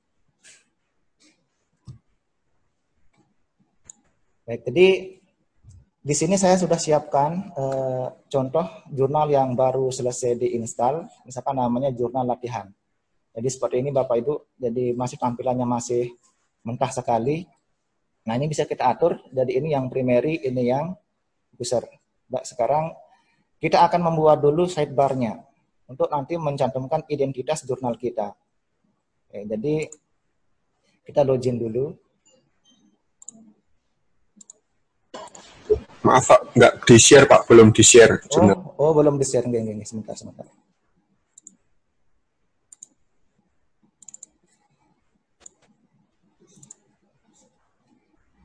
Oke, jadi uh, saya ulangi Bapak Ibu, ini uh, misalnya contoh jurnal yang baru selesai diinstal, jadi masih mentah tampilannya.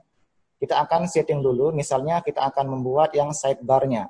Sidebar-nya, kemudian nanti kita akan membuat navigasi menunya. Tapi di sini kita masuk dulu. Jadi eh, langkah pertama yang harus kita lakukan adalah eh, kita harus setting dulu di websitenya. Jadi kita aktifkan dulu pluginnya. Nah, jadi di sini kalau yang navigasi menu sudah ada, bawaannya sudah langsung masuk. Ini sudah masuk. masuk. Nah, kemudian nanti Bapak Ibu juga menyesuaikan dengan versi OJS-nya ya, karena nanti OJS 3 itu beda seri saja sudah e, berbeda dia, ada yang support, ada yang enggak gitu. Yang saya gunakan ini ini versi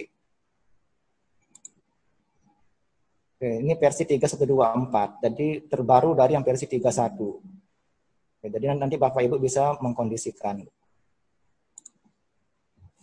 Oke, jadi di plugin ini kita harus aktifkan dulu menu custom block. Jadi nanti Bapak Ibu di sini ada namanya custom block manager. Nah, ini pertama kali belum disentuh ini. Jadi misalkan custom block manager ini kita aktifkan. Jadi kemudian yang kedua itu adalah static pick Bapak Ibu. Jadi yang static pick. Bedanya adalah nanti di custom block ini, di sini kita gunakan untuk mengatur eh, nav, apa, navigasi menu yang di sebelah, yang sidebarnya. Nah, nanti yang static pick ini kita akan gunakan untuk eh, mengisikan ini eh, UR, URL atau link picknya. Oke, sekarang kita akan cek dulu Bapak Ibu ya, kita akan masuk. Nah, nanti di sini. Oke. Nah, sekarang misalnya kita akan mengatur dulu. Nah, misalkan Bapak Ibu iseng-iseng buka jurnal orang misalnya. Nah, misalkan di sini ada jurnal orang, misalnya namanya arteri. Nah, misalkan arteri jurnal ilmu kesehatan misalnya. Di sini kita lihat sudah ada navigasi menunya seperti ini, ada tim editor, kemudian ini ada seperti ini, headernya juga sudah full. Kemudian misalnya Bapak Ibu ini ingin menggunakan yang ini, ingin mengambil ini, ya. Jadi kalau yang di ODS 3 ini eh, apa kita bisa uh, mengambil per bagiannya ini. Oke, nanti ini nanti untuk menampilkan template-nya kita bisa menggunakan CSS-nya. Oke, baik Bapak Ibu, sekarang kita akan cek dulu nggih. Misalkan saya akan mengambil ini, menu kanan yang ini. Oke, cara gampangnya cara gampangnya tinggal ini kita klik saja, ini klik kanan. Di sini ada pick source. Nah, ini kita klik kanan. Kita ambil kode yang tadi itu. Misalkan nanti di sini kita kontrol F, kemudian kita ketik tentang. Oke, tadi di sana tentang, tentang arteri. Ini sampai kontak. Nah, berarti patokan kita nanti tentang arteri sampai kontak di sini. Oke. Boleh kita ambil semuanya juga boleh Bapak Ibu. Berarti nanti kalau mau ambil semuanya bisa dari sini. Ya. Oke, ini kita nggak pakai CSS karena nanti kalau di OJS 3 itu ada sedikit perbedaan, ya. jadi kita pakai dulu yang quick source-nya. Oke, ini yang cara paling gampang dulu. Nah, nanti yang CSS kita gunakan untuk yang header-nya. Oke, sekarang kita coba quick source. Nah, ini sudah ketemu. Nah, nanti Bapak Ibu tinggal ambil dari yang paling atas, yang ada tulisan sidebar-nya. Ini sidebar. Kemudian ini kita blok sampai dengan kontak. Oke, kita cari sampai dengan kontak. Kontak, ini submit. Oke, kita cari sampai dengan kontak.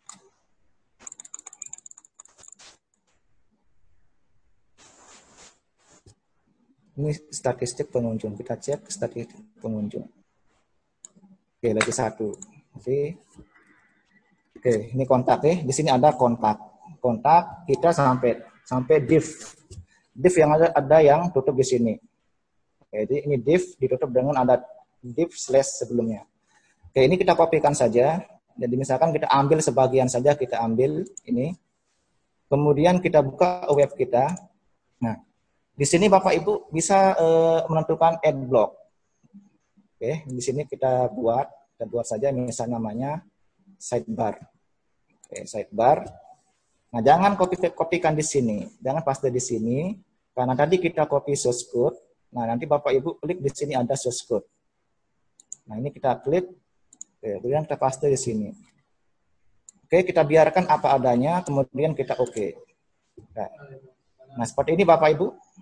Nah, ini akan mengambil persis dari tampilan yang kita ambil dari web orang ini. Ini akan sama. Oke, kalau sudah kita save, Nah, sekarang kita akan lihat dulu. Kita lihat dulu di view site. Oke, di view site. Nah, ini sudah muncul. Ya. Ini sudah muncul. Kita pastikan dulu linknya uh, aktif Bapak Ibu. Nah, ini linknya aktif. Nah, tapi ketika kita klik masuk ke jurnal orangan, nah ini ketika kita klik masuk ke jurnal orang. Nah, nanti caranya berarti ini kita back. Oke, jadi kita edit. Kita harus matikan dulu linknya. Oke, ini kita edit. Kalau sudah berhasil, ini bisa diganti dengan nama jurnal kita, misalkan tentang jurnal latihan. Misalnya. Oke, saya contohkan dua saja Bapak Ibu. Oke. Nah, nanti ini kita nonaktifkan. Oke. Ya, karena ini sudah ada ini. Coba ini saya kita ulang saja. Kita Sebentar coba kita ambil yang lebih yang yang sama versinya. Jadi kalau OJS 3 itu ada beda sedikit ini, ada crash. Oke, misalkan saya ambil dulu yang ini.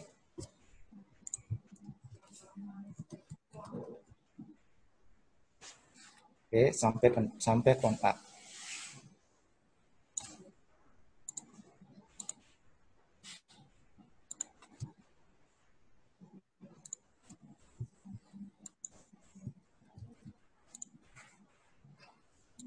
ini kita nonaktifkan. Oke, okay, kalau sama versinya nanti nggak ada masalah. Jadi menyesuaikan dengan template-nya. Oke, ini kita ganti J latihan. Oke. Ini saya kita hapus. Nah, nanti Bapak Ibu bisa melanjutkan semuanya. Ini. Ini harus di uh, nonaktifkan biar tidak ngeling ke jurnal orang. Oke, ini kita save dulu. Kita save. Kemudian kita lihat jurnal kita. Oke, ini, ini sudah. Oke, ini cara eh, gampang membuat eh, custom log Bapak Ibu. Oke, nanti tinggal kita melihat eh, custom log punya orang. Oke, tinggal kita ambil. Oke, nanti dengan cara yang sama Bapak Ibu nanti bisa mengambil yang lain. Misalkan nanti mau mengambil template, submit dan sebagainya dengan cara yang sama. Nah, yang kedua Bapak Ibu, jadi kita akan uh, atur kita akan atur uh, ini navigasi menunya nggih. Kita akan mengatur navigasi menunya. Ini masih standar sekali. Nah, kita akan atur sesuai dengan kemauan kita. Ini kita biarin dulu Bapak Ibu. Kita atur dulu yang sebelah sini. Oke, saya jelas saya contohkan uh, satu saja Bapak Ibu karena di slide saya lengkap sekali. Oke, jadi di sini Bapak Ibu, di static pick static pick. Nah, di sini kita akan buat halaman statis yang nanti ketika diklik, diklik di kita misalkan seperti ini Bapak Ibu, misalkan fokus dan ruang lingkup. Nah, dia akan di sini. Misalkan proses peer review, dia akan ke sini. Oke, nah, misalkan ini kita kopikan, nah, ini kita copy saja. Ini contoh saja. Kemudian kita buka jurnal kita. Add static pick. Di sini ada dua file, ada yang pet, ada yang title. Kalau pet ini, ini yang nanti yang partisinya. Nah, ini nggak boleh pakai spasi. Misalnya fokus. Oke. Kalau nanti mau dua suku kata, berarti pakai underscore atau pakai ini, kata sambung. Oke, misalkan di sini kita isikan fokus scope. Oke, kita pastikan di sini. Oke, Bapak Ibu sudah. Nah, nanti tinggal diedit isinya. Baik, jadi ini yang static pick. Nah, langkah berikutnya adalah Bapak Ibu, ini yang eh, yang static dulu nggih, yang static yang seperti ini. Yang static pick. Yang ini belakangan, karena kita selesaikan dulu yang ini Bapak Ibu. Oke, sekarang kita maunya yang fokus ini bisa aktif linknya seperti ini. Oke. Yang seperti ini berarti caranya kita Bapak Ibu tinggal klik kanan di sini ada copy link address. Copy link address. Kemudian kita balik ke yang plugin tadi. Kita balik ke yang tadi. yang block custom block manager. Nah, ini kita balik. Kemudian edit. Nah, kemudian kita sisipkan linknya. Di sini ada insert link. Oke, di sini di URL Bapak Ibu eh, paste ini. Kemudian targetnya di nan saja. Ini artinya kalau pilih yang nan ini, dia akan eh, ngelink di halaman yang sama. Tapi kalau yang new window, ketika diklik dia akan kebuka di window yang baru. Oke, jadi ini kita klik. Kalau berhasil, warnanya akan berubah Bapak Ibu. Jadi biasanya ada ini, garis bawahnya sebagai pertanda dia uh, hyperlink. Kita save.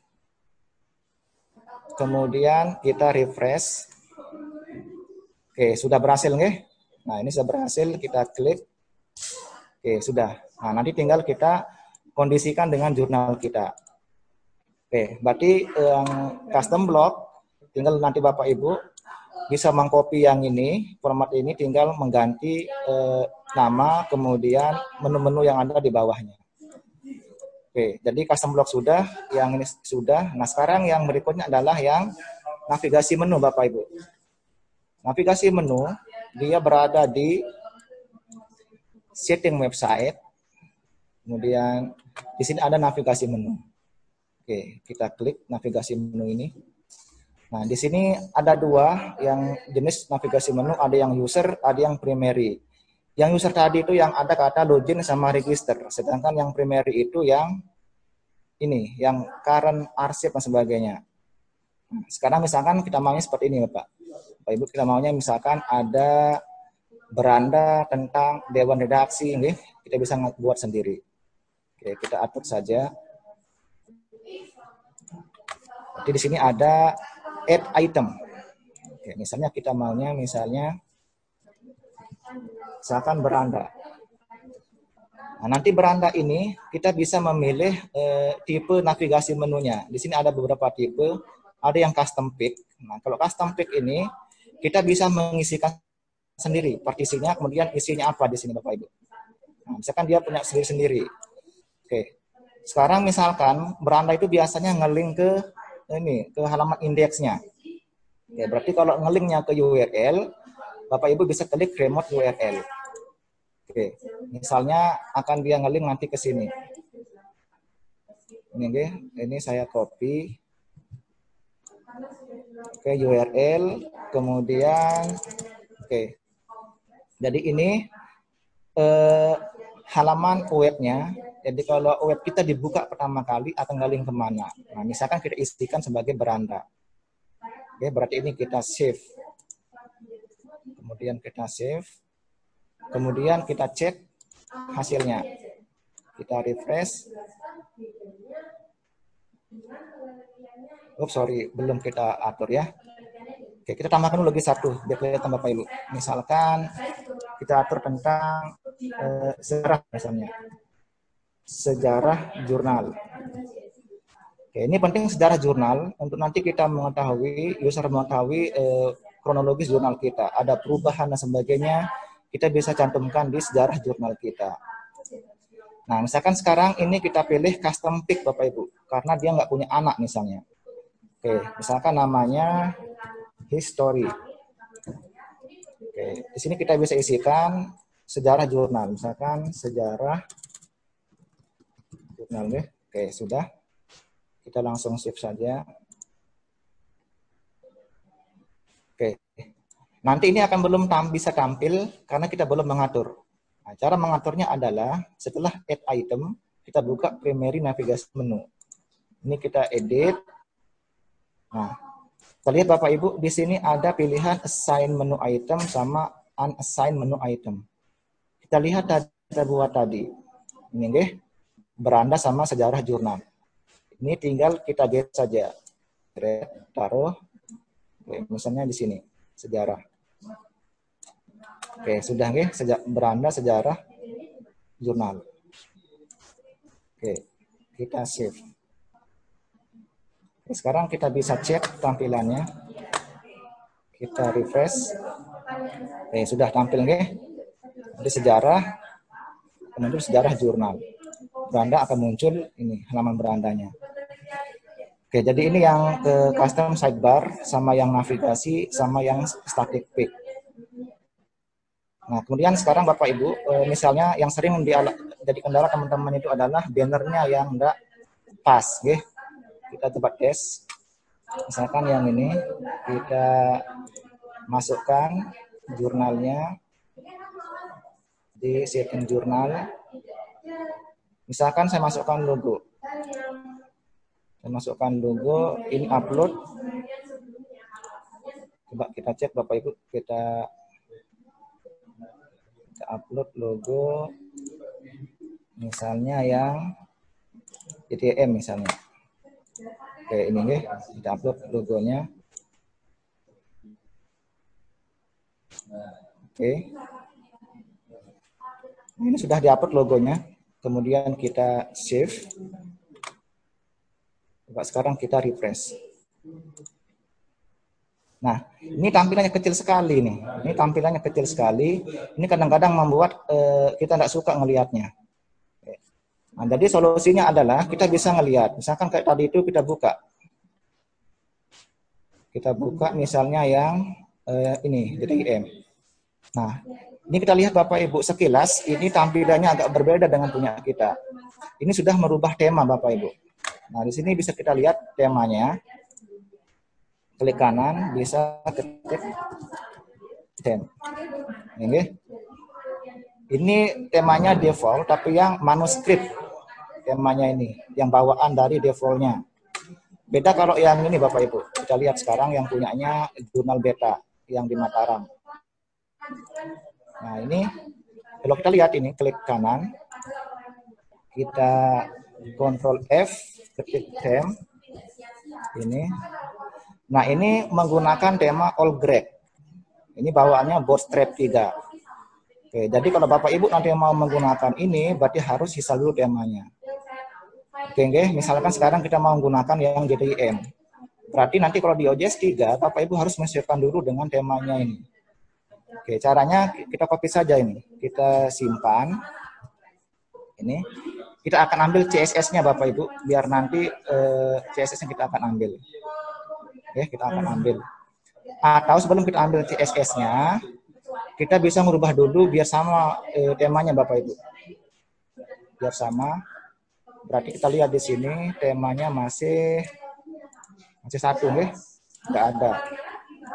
Oke di di plugin di plugin Oke, di sini ada, nah ini Bapak Ibu eh, tadi sudah dijelaskan sama Pak Sucipto. Saya satu saja yang manuskrip. Nah, jadi manuskrip ini bawaan dari eh, tema defaultnya. Oke, ini kita install saja. Oke, biar cepat bisa lewat sini. Oke. Semoga nggak ada masalah. Biasanya kalau lewat sini biasanya Oke, bisa nggih? Nah, kalau sudah bisa Nah, biar sama dengan yang kita mau ambil tadi. Ini kita centang. Kita centang, kemudian di parent ini. Oke, kita ganti. Oke, kita ganti Bapak Ibu, biar sama temanya dengan jurnal yang kita, kita akan ambil. Oke, sekarang kita bisa eh, Ctrl F5 untuk merefresh. Nah, ini sudah tampilannya udah e, mendekati, cuman ini bannernya yang masih belum besar. Nah, nanti berarti kita bisa e, ambil CSS-nya. Kita kita ambil CSS-nya, Ctrl S, Bapak Ibu simpan. Oke, disimpan saja. Nah, tinggal save. Nanti akan muncul folder JDM seperti ini. Kebetulan saya sudah nyimpan, ya. Oke, kalau sudah nyimpan, tinggal nanti Bapak Ibu ini. Di sini ada upload CSS di sini. Oke, kita upload CSS-nya. Sudah ada. Oke, kita cari yang tes. JTIM. Nah, ini kebetulan JTIM ini yang ada CSS-nya cuman header-nya saja. Oke, yang style sheet-nya. Oke, ini kita upload. Oke. Oke, sekarang kita save. Lihat tampilannya. Ini masih kecil, Bapak Ibu. Nah, sekarang kita lihat.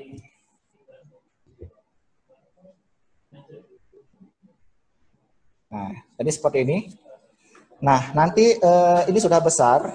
Nah, nanti Bapak Ibu bisa mengkondisikan warnanya ini. Inilah kita nanti menggunakan yang color color picker yang ini. Oke. Jadi yang ini nanti kita bisa mengambil biar nanti kalem. Nanti seperti ini jadinya. Jadi sama semua warnanya.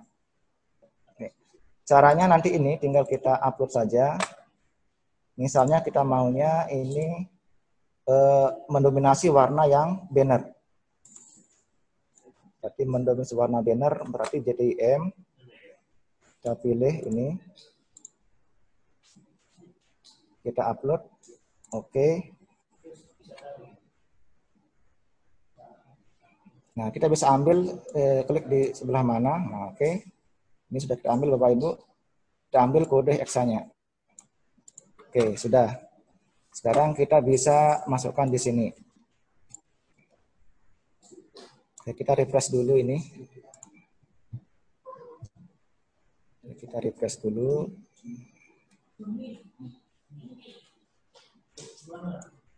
Kita refresh. Oke, di color ini kita bisa bisa merubahnya yang untuk header. Oke, kita klik, kemudian Bapak Ibu ketik di sini. Masukkan kode yang tadi. Oke. Oke, sudah. Sekarang tinggal kita uh, ini kontrol F5. Oke, sudah nggih? Sekarang sudah full, kelihatan full, jadi nggak ada lagi yang uh, ini. Gila apa? Udah seperti transparan. Oke, Bapak Ibu, ini sudah. Kita sudah membuat ini. Oke. Nah, yang terakhir untuk yang navigasi menu, di sini Bapak Ibu bisa membuatkan menu anak. Menu anak di navigasi menu ini di sini misalkan kita buat satu. Misalnya eh, ini deh, misalkan isu. Isu ini jadi induknya nanti berisi arsip sama current isu. Oke bisa langsung pilih yang current isu misalkan di sini ada yang current isu ini kita pilih saja Oke, setelah itu baru Bapak Ibu atur di sini. Oke, kita akan mengelompokkan current sama arsip. Berarti Bapak Ibu klik isu, kemudian taruh. Oke, tinggal kita atur posisinya. Oke, ini tinggal kita atur. Nah, di sini sampai dia berada di bawah, seperti sub. Oke, ini juga sama sampai dia seperti sub. Oke, oke, sudah seperti ini. Lalu save. Oke, kita cek sekarang.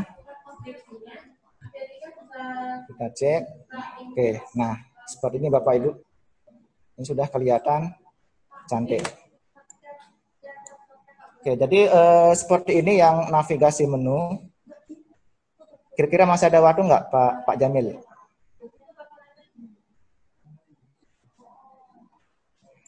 Oke, yang terakhir Bapak Ibu, misalkan kita akan membuat seperti ini. Kita akan membuat seperti ini. Nah, ini yang sering saya lihat ada pertanyaan di uh, grup Nah, bagaimana caranya memunculkan artikel metrik, misalkan abstrak view-nya seperti ini. Oke. Jadi caranya Bapak Ibu, eh, nanti ada dua, ini, kita eh, masuk ke hostingannya, kalau ini harus lewat si panel Bapak Ibu. Si panel. Nah, nanti misalkan ini nggih, misalkan saya punya jurnal. Nah, ini BIOS misalnya. Di sini nggak ada ini. Di sini tidak ada uh, artikel metriknya. Bapak Ibu ingin menampilkan artikel metriknya, PDF download, kemudian abstract view-nya. Nah, kalau ini Bapak Ibu harus masuk sebagai uh, ini administrator di cPanel-nya, baru bisa. Oke, saya jelaskan sekilas saja biar nanti uh, bisa dicoba. Nanti Bapak Ibu bisa langsung masuk ke cPanel-nya. Nah. Jadi uh, kita bisa cari letak OJS-nya. Misalkan namanya BIOS. Nah, ini namanya BIOS. Tempatnya di sini Bapak Ibu. Ini luar. Ini file manager. Sebentar nggih. Oke, nanti di sini kita cari dulu domain kita. Ini kebetulan pakai hostinger. Oke, misalkan kita cari uh, eh, OJS kita. Nah, ini BIOS. Ini BIOS misalnya. Kemudian tempatnya adalah Oke, jadi kita akan ada dua macam yang kita setting. Kalau artikel metrik itu yang abstract view sama abstract view sama PDF download. Tempatnya di sini Bapak Ibu. Di OJS kita kemudian ada template. Template kemudian front end. Nah, di sini. Di front end ini klik object, kemudian artikel summary. Oke ya. Di sini Bapak Ibu bisa edit kalau khawatir aman, kalau kalau khawatir uh, aman, ini bisa di backup dulu. Ini di backup, kemudian kita edit di sini. Oke. Nah, nomor baris berapa yang uh, perlu diedit? Nah, hati-hati Bapak Ibu, ini beda seri ODS 3 juga nanti hati-hati tempatnya juga nanti beda-beda. Makanya hati-hati. Nah, nanti ada kata kuncinya Bapak Ibu. Nah, di sini ada urutannya. Jadi yang misalkan Yosi nama jurnal, OJS kita, template, front end, object, artikel, summary.epl. Nah, Bapak Ibu cari baris ke 87. Nah, kita akan cek sini, oke? Nah, kita akan menambahkan di baris akhir ini, ini di baris akhir ini, di atas ini, call hook name ini. Kita akan taruh di sini. Oke, saya kopikan sintaknya. Ini nggih, di sini. Di sini Bapak Ibu nanti pastikan di sini ada source code. Oke. Nah, nanti tempatkan dia di baris 87, pokoknya di atas ini. Di atas call hook name ini, template ini, ini ditempatkan di sini. Jadi ini sintaknya dari sini. Dari baris 87 sampai di sini, sampai for each. Oke. Nah, ini sintaknya. Oke, sekarang kita nanti hati-hati Bapak Ibu menempatkannya sekali lagi di paling akhir di atas call hook name, oke. Kita save. Oke, sekarang kita coba cek yang tadi yang BIOS. Ini belum ada, sekarang kita refresh. Oke, sudah muncul, oke. Abstract view-nya muncul, PDF download-nya muncul. Nah, kemudian kita juga perlu men-setting agar memunculkan ini eh, doi per artikelnya di sini. Oke, jadi ini abstract view-nya sudah muncul, eh, PDF dulu sudah muncul, tinggal yang terakhir doi-nya. Oke, berarti caranya kita buka lagi yang hostingan kita. Ini bisa kita close Bapak Ibu. Nah, tadi eh, kita cari namanya feed. Nah, objek ini kita cari. Kemudian isu. Kemudian isu handle handle dot ing. Oke, ini kita cari file ini. Kalau khawatir tidak aman, eh, di backup dulu. Oke. Kemudian kita edit. Nah, di sini nanti kita eh, menambahkan di baris line 295. Ini ODS 3124. 312, 324 posisinya sama. Oke, 295. Oke, di sini saya sudah kasih tanda Bapak Ibu. Nanti patokannya cari namanya lokal yang ini, yang get loke, yang get lokal ini. Naruhnya di atas baris 297 ini. Sintak yang ini. Ya, taruh di sini. Tambahkan dua source code seperti ini. Ini sebenarnya, ini sebenarnya hanya memanggil saja ngelut tadi yang di uh, artikel semarinya di sana uh, sintaknya. Nah, cuman ini aja Bapak Ibu. Naruhnya di atas sini. Oke. Okay. Kita save. Oke, sekarang coba kita jalankan, kita refresh. Tadi BIOS. Nah, ini belum muncul dowinya, sekarang kita kontrol F5. Oke, sudah muncul, nggih? Nah, nanti tinggal ditambahkan logo. Nah, misalkan kalau yang arteri ini ada ini, ada gambar-gambarnya. Nah, ini nanti Bapak Ibu bisa lihat dari uh, page source-nya, tinggal ditambahkan saja. Oke, saya rasa uh, itu yang dapat saya sampaikan. Jadi terkait dengan uh, custom jurnal dari navigasi menu, kemudian eh, sidebar menggunakan custom block, kemudian diisi dengan static pick, dan yang terakhir bagaimana cara menampilkan artikel metrik di daftar isi eh, isu yang telah publish. Mungkin itu Pak moderator saya Oke. kembalikan. Assalamualaikum warahmatullahi wabarakatuh. Waalaikumsalam warahmatullahi Baik. Demikian tadi Bapak Ibu cukup lengkap sekali, cukup jelas dengan eh, PowerPoint materi yang cukup teknis. Nah, nanti akan kita share Bapak Ibu. Jadi jangan khawatir. Oke, kita ke pertanyaan Bapak. Eh, kalau saya baca di chat itu ada dua Pak, ada dua ini. Ada dari Pak Yesaya. Kalau di versi 3203 logonya default pixel kecil, Pak. Bagaimana mengeditnya? Saya coba masukkan header image keluarnya di bawah primary navigation. Nah, ini, Pak. Apakah mungkin ada persamaan dengan versi yang dipraktekkan Pak Yunus tadi? Monggo, Pak. Oke, terima kasih Pak. Bisa dijawab. Jadi eh, seperti yang dijelaskan tadi, memang ini coba kita cek. Eh, malah saya pakai yang saya coba yang pakai OJS yang 32 3203 malah saya meng- mengalami ini mendapatkan bug. Makanya saya nggak lanjut. Contohnya seperti ini. Eh,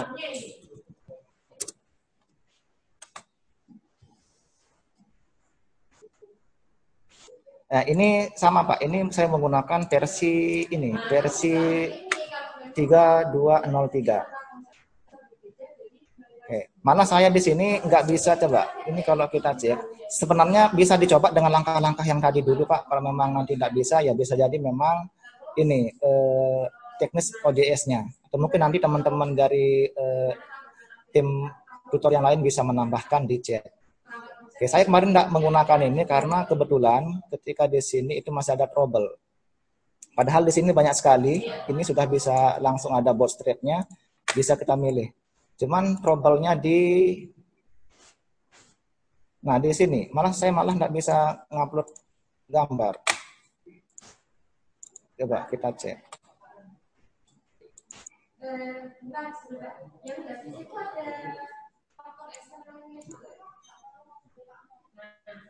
Oh, ini sudah. Oke, berarti kemarin ada kendala nih, coba. Ini kita cek dulu. Oke, berarti ini masih menggunakan yang lama, ini yang Jeep yang Mas bentar. Eh, mana tadi? Ini kita balik dulu ke dashboardnya. Saya kembalikan dulu ke tampilan awalnya, nih.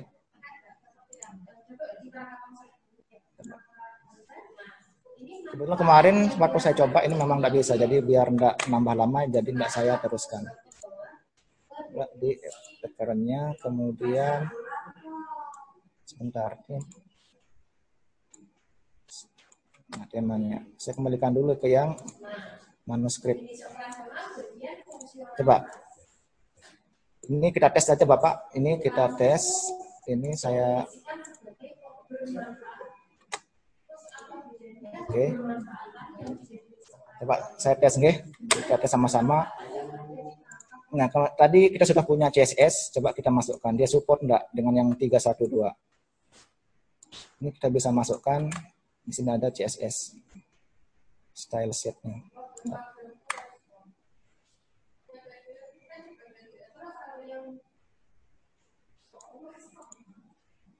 Nah, di sini kita bisa cek karena ini eh, 3203 ini lebih eh, beda sedikit ini fitur-fiturnya.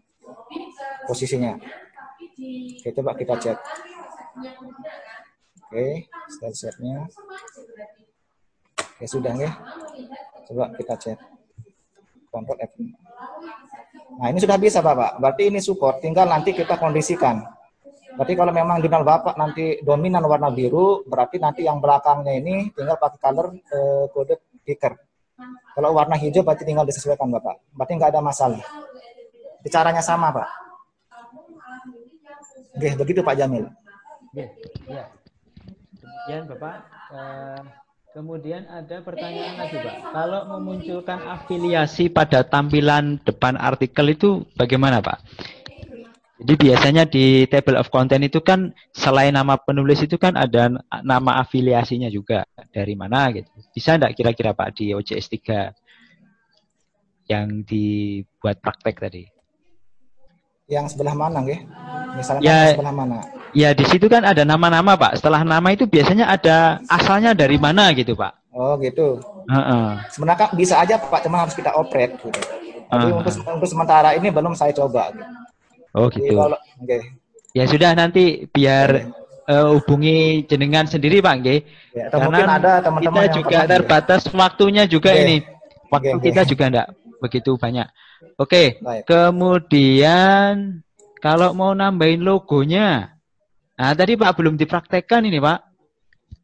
Yang Bisa enggak kira-kira, Pak? Logo tadi kan sempat praktek menampilkan DOI, kemudian menampilkan yang artikel metrik tadi loh, Pak. Oh, ada, pertanyaan. Oh, Ah. logo-logo. Misalkan Ah. kayak gini. Kayak gini maksudnya. Nah, itu mungkin Oke. pertanyaannya ya. Nah, kalau gini nanti gini Bapak Ibu. Nanti Bapak Ibu caranya gini. Eh, ini tinggal diklik tinggal klik saja, kita pick source. Kita akan mencari di mana dia letak yang ini. Kita akan mengambil yang ini. Ini pick source, kemudian kita cari misalkan Bentar, kita cari dulu. Nah, di sini kan dia adanya di sini. Ada abstrak, ini ada abstrak. Oke, jadi kita lihat di sini. Kalau ini kita klik. Nah, ini dia ini. Ini dia, berarti tinggal nanti ini kita kopikan, Bapak. Ini kita kopikan. Image source ini kita kopikan. Naruhnya nanti di paling depan. Ini copy, kita masuk ke sini. Kita masuk. Satu aja, nggih. Ini masuk ke, oops, sorry. BIOS, kemudian eh, template, template, kemudian front end, front end, objek, nah artikel summary ini kita edit. Nah, tadi kan ini, berarti nanti bapak ibu tinggal naruh di sini aja sebelum ini, taruh aja di sini. Oke, coba kita save. Oke, Naruhnya di belakang sebelum yang tadi. Oke, coba kita sekarang kita cek. Ini yang BIOS. Tadi BIOS mana? Oke. Coba kita cek. Oke, sudah muncul. Oke, sudah muncul. Oke. Nanti sama dengan yang PDF download, nggih. Tinggal cari logonya, copy image source-nya.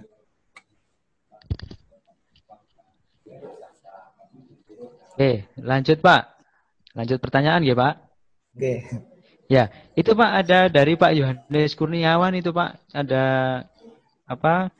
Beliau mengupload sebuah gambar itu yang kemudian bagaimana mengedit yang dilingkari itu. Jadi sudah sempat saya download tadi. Ada di menu primary kayaknya itu Pak. Coba coba. Di menu primary. Coba di chat. Nah, itu Pak. Bentar, nggih. Cek. Nah, Bentar Pak, saya tunjukin di Navigasi menu saya tidak ada menu home.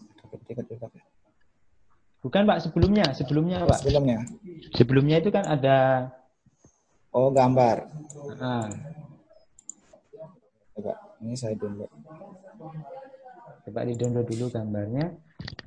Itu kayaknya karena eh, pengaturan bahasanya aja itu bahasa Indonesia. Jadi muncul pakar-pakar itu loh, Pak. Oh iya iya betul betul pak. Itu Hmm.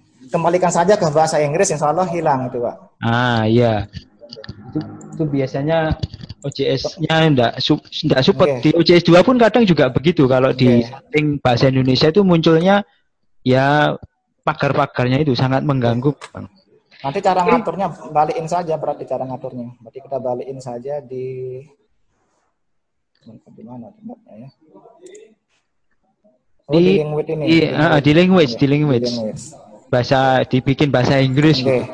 Biasanya kalau pilih yang ah, saya, saya saat install pilih satu saja, makanya kalau saya tahu bermasalah, tidak saya pilih yang Indonesia. Hmm. Jadi di sini English. Dibalikin saja Pak, biar nggak masalah. Oke, ya, Pak, kita lanjut ke pertanyaan berikutnya. Di navigation menu saya dari Ibu Niswatin tidak ada menu home. Ah, tadi sudah sempat dipraktekkan, Pak. Tapi ketika dibuka di websitenya muncul home. Bagaimana cara menghapusnya? Oh, biasanya itu faktor ini biasanya eh, ini apa tema yang digunakan. Misalkan kayak gini, kalau kita menggunakan tema yang all grade ini, ini dia eh, walaupun kita nggak tambahkan di navigasi menu, dia muncul. Hmm. Nah, tapi kalau dibalikin ke defaultnya, coba dibalikin ke defaultnya pasti nggak ada dia. Iya, iya, iya. iya. Kalau misalkan ini eh, pakai yang eh, eh, ini eh, tema, ada tema-tema tertentu yang memang dia langsung menyediakan. Nah, berarti cara ngapusnya nanti ya kita cari berarti letak di mana home ini. Di lewat apa saya buat kodenya. Oke. Oke. Baik, ada pertanyaan lagi terakhir ini Pak G. Ada pertanyaan dari Ibu Yesaya. Ibu apa Bapak ini? Membatasi jumlah artikel yang muncul di indeks apa bisa? Nah, ini maksudnya di table of content atau gimana ini Pak? Mungkin masuknya di Table of content mungkin ya?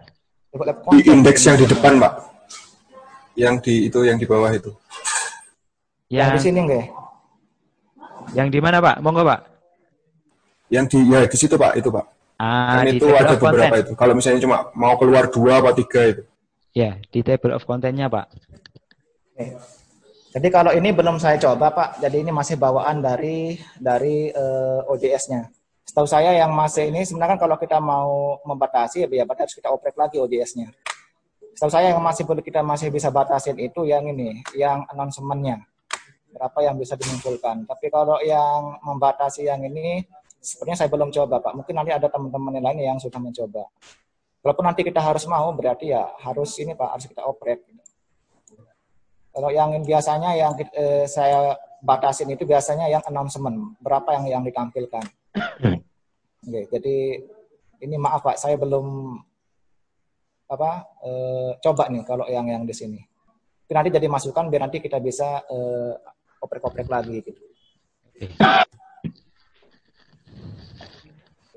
Baik, saya kira cukup Pak. Ada yang mungkin disampaikan untuk sebagai penutup Pak? Sebelum kita lanjut ke materi berikutnya, ini masih ada waktu kurang lima menit. Pak. Oke. Oh, dua menit, dua menit, dua menit. Ya. Intinya Bapak Ibu ya tetap semangat walaupun bukan orang IT insya Allah selama ada kemauan pasti bisa. Jadi terutama saat custom atau apa gitu. Sebenarnya kan tadi saya mau menjelaskan sedikit cara ngambil yang ini cuma karena keterbatasan waktu. Ini bagus sekali tema ini all grade ini dan support di 312 3124 nih. Saya sudah saya sudah coba. Yang bagus sekali. Ya, cuman karena keterbatasan waktu mungkin nanti kita bisa eh, apa lewat lewat chatting atau lewat yang lain. Oke, mungkin itu aja, Pak. Terima kasih. Baik, terima kasih Pak Muhammad Yunus atas share tentang custom OJS 3-nya. Semoga kita bisa mengambil manfaat dan kemudian kita bisa mempraktekkan di jurnal kita masing-masing. Oke, demikianlah Bapak Ibu materi kedua kita pada hari ini. Nanti mohon maaf tidak semua eh, pertanyaan langsung dijawab oleh Pak Muhammad Yunus. Nanti biar teman-teman anggota RCI yang lain yang kemudian mendampingi kita pada pagi hari ini untuk eh, membantu menjawab.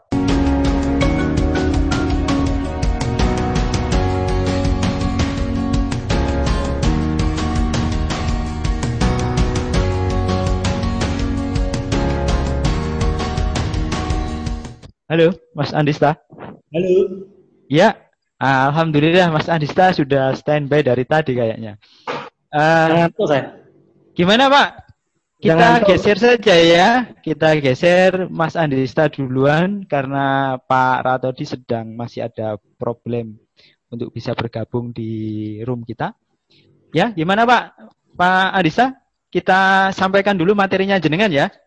Siap. Oke, baik sambil nanti saya menghubungi Pak Ratodi, semoga nanti eh, bisa bergabung kembali kepada bersama-sama kita. Oke, baik Bapak Ibu yang saya hormati, materi ketiga ini akan kita disampaikan oleh Pak Andista Chandra Yusro. Beliau ini berasal dari Madiun, Nah, dari Universitas Unipma ya, Universitas PGRI Madiun. Nah, kalau tadi Pak Sucipto itu dari PGRI Kediri, kemudian Pak Ahmad Yunus itu dari Politeknik Negeri Jember. Nah, Pak Andista Chandra Yusro ini dari Madiun, Universitas PGRI Madiun. Beliau akan menyampaikan tentang akreditasi jurnal nasional. Seperti yang kita ketahui bahwa kita sebagai pengelola jurnal itu harus tahu tentang akreditasi jurnal nasional. Jadi kalau jurnal kita sudah siap untuk diakreditasi, sudah berumur minimal paling tidak dua tahun, kemudian terindeks di Garuda dan lain sebagainya itu nanti kita harus mengajukan proses akreditasi melalui portal Arjuna. Iya, halo? Iya. Baik. Oh, uh, iya. Iya, iya, Pak. Tunggu, Bang ya. Baik. Uh, langsung saja Pak Andista. Uh, waktunya 30 menit untuk kemudian menyampaikan materinya tentang akreditasi jurnal nasional. Nanti 15 menit berikutnya kita gunakan untuk berdiskusi. Monggo, silahkan Pak.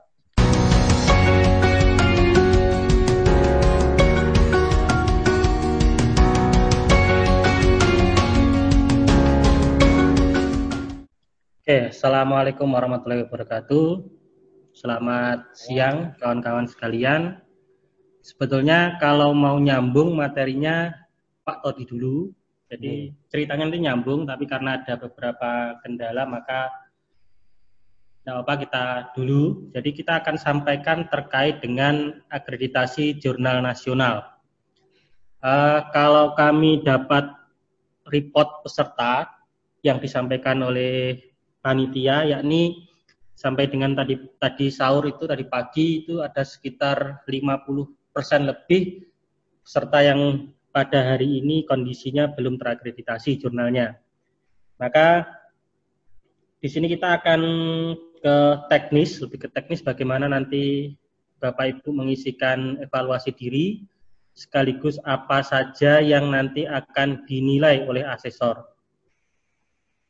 Uh, sering kita jumpai Bapak Ibu bahwa pertanyaannya bagaimana cara agar jurnal kita masuk di Sinta. Ya, jadi sampai lebaran haji, kalau Bapak Ibu tidak mendaftarkan jurnalnya di Arjuna untuk diakreditasi, maka jurnal Bapak Ibu tidak akan ada di Sinta.